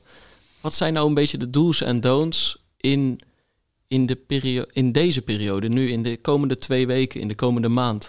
Wat, wat moet je wel doen, wat moet je niet doen? Nou, ik denk dat als je het over... eh, als het allemaal als opofferen voelt... En plussen en minnen. En als ik ook een, een, atleet van sport hoor... Ja, nou ja, dan hoor je wel eens wat doe ik het. Oh, dan weet je wel. Dat wordt heel lastig. Dat, is niet eh, nog eh, energie voor nog acht jaar of zo. Het moet toch wel grotendeels fantastisch. En oh, wat een voorrecht. Ah, dat is ook waarom Roy, denk ik. Hè, een mooi voorbeeld. Ehm, waarom je het gewoon het spelletje nog zo mooi vindt. En niet het spelletje van eh, zes keer in de week lopen, maar het spelletje van 180 kilometer per week lopen. Ja. Dat hij gewoon eh, zoveel plezier heeft en ehm, het ook op, um, inricht op een manier waarop je lol maakt. Hè? Dan eh, met de watertaxi, dan met jullie aansluiten. Zichzelf beloont, intens geniet, eh, harde muziek. Gewoon genieten en ja, die, die passie, die vonk, die twinkeling, die, die drive. Ja, dat is wel. eh, en ja, en ook, Elliot, weet je wel. Als je het over Elliot hebt. ja, Michel heeft me heel veel over Elliot verteld altijd. Dat was de enige die altijd gewoon naar het kamp ging. En hij is gewoon multimiljonair. Hij, hij woont 20 kilometer verder. Maar het is niet, oh, opoffering. Oh, en mijn gezin. Dus ook Abdi en Bashir. Het is wel iets moois wat ze doen. Enerzijds een opoffering. En die onderaan de streep gaat natuurlijk een balans worden. Daarmee red je niet je hele leven. Maar als die zitten opoffering, dat, dat maken wij er een beetje van. Maar ze vinden het ook van een fantastisch leven. Mhm. En die kinderen zijn nog niet zo oud. Maar ik denk, het moet wel vooral heel gaaf zijn om weer... Ja, hij pakt zijn tas in en hij wil weer eh, op trainingskamp gaan. Ja, opoffering, opoffering. Jeetje, Mina. Dan, dan wordt het wel zwaar. Wat deed jij de maand na de marathon, eh, Michel? Je Nou, wil, je zo- wil ook niet te herstel, herstel respecteren. Precies. Dus, ehm, dus, dus zullen onget, je- ja, er zijn ook ongetwijfeld heel veel mensen die staan te popelen en ook echt meteen de dag daarna eh, weer gaan, gaan, lopen. Ik heb dat zelf ook een keer gedaan naar New York voor de geheim, maar dat eh, heb ik daarna nooit meer gedaan. Want je hebt gewoon, ja, het lichaam heeft wel gewoon eventjes een, eh, een optatertje gekregen. En ja, fysiek en mentaal vooral eventjes ehm, de batterij eigenlijk opladen. Ja, ehm, heel, heel vroeger dacht ik dan van, nou mooi, weet je wel. eh, nu eh, heb, ik, eh, heb ik lekker, lekker rust. Kan ik even de teugels laten vieren. Maar dan moest ik herstellen van mijn, van mijn herstelperiode.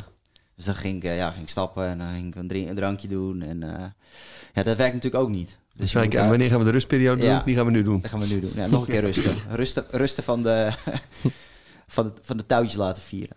Maar dat kan wel eventjes. Weet je wel, even gewoon dingen doen misschien die je dan eh, normaal niet zou doen.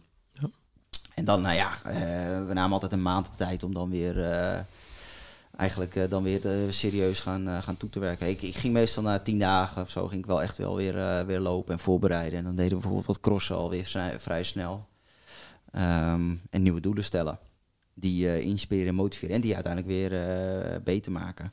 Maar je moet wel echt eh, ja, de fysieke en de mentale energie hebben om dat weer eh, te kunnen doen.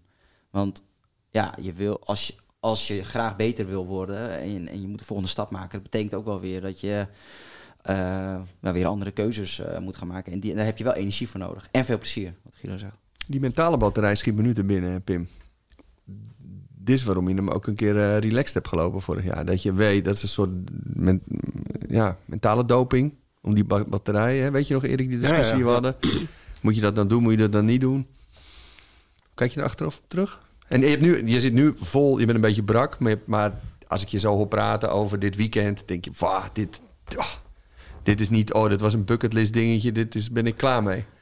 Dit is nu al, en je weet, het is lastig en het moet ook lastig worden. En we- die 222 misschien, of welk doel we ook gaan stellen, Ja. jij gaat stellen, het moet je wel uitdagen. Nee, kijk, het, is gewoon. ehm, dit is een beetje mijn leven geworden. Want tussen 2015 en 18 ben ik er drie jaar uit geweest met uh, Achillespees-klachten dus. Eh, 2015 had ik voor het eerst die marathon gelopen. In 2.49.12 liep ik vijf keer in de week.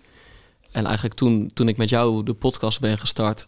toen is dat balletje gaan rollen en is het serieuzer, serieuzer, serieuzer geworden. Ben ik op een gegeven moment met jullie twee gaan samenwerken.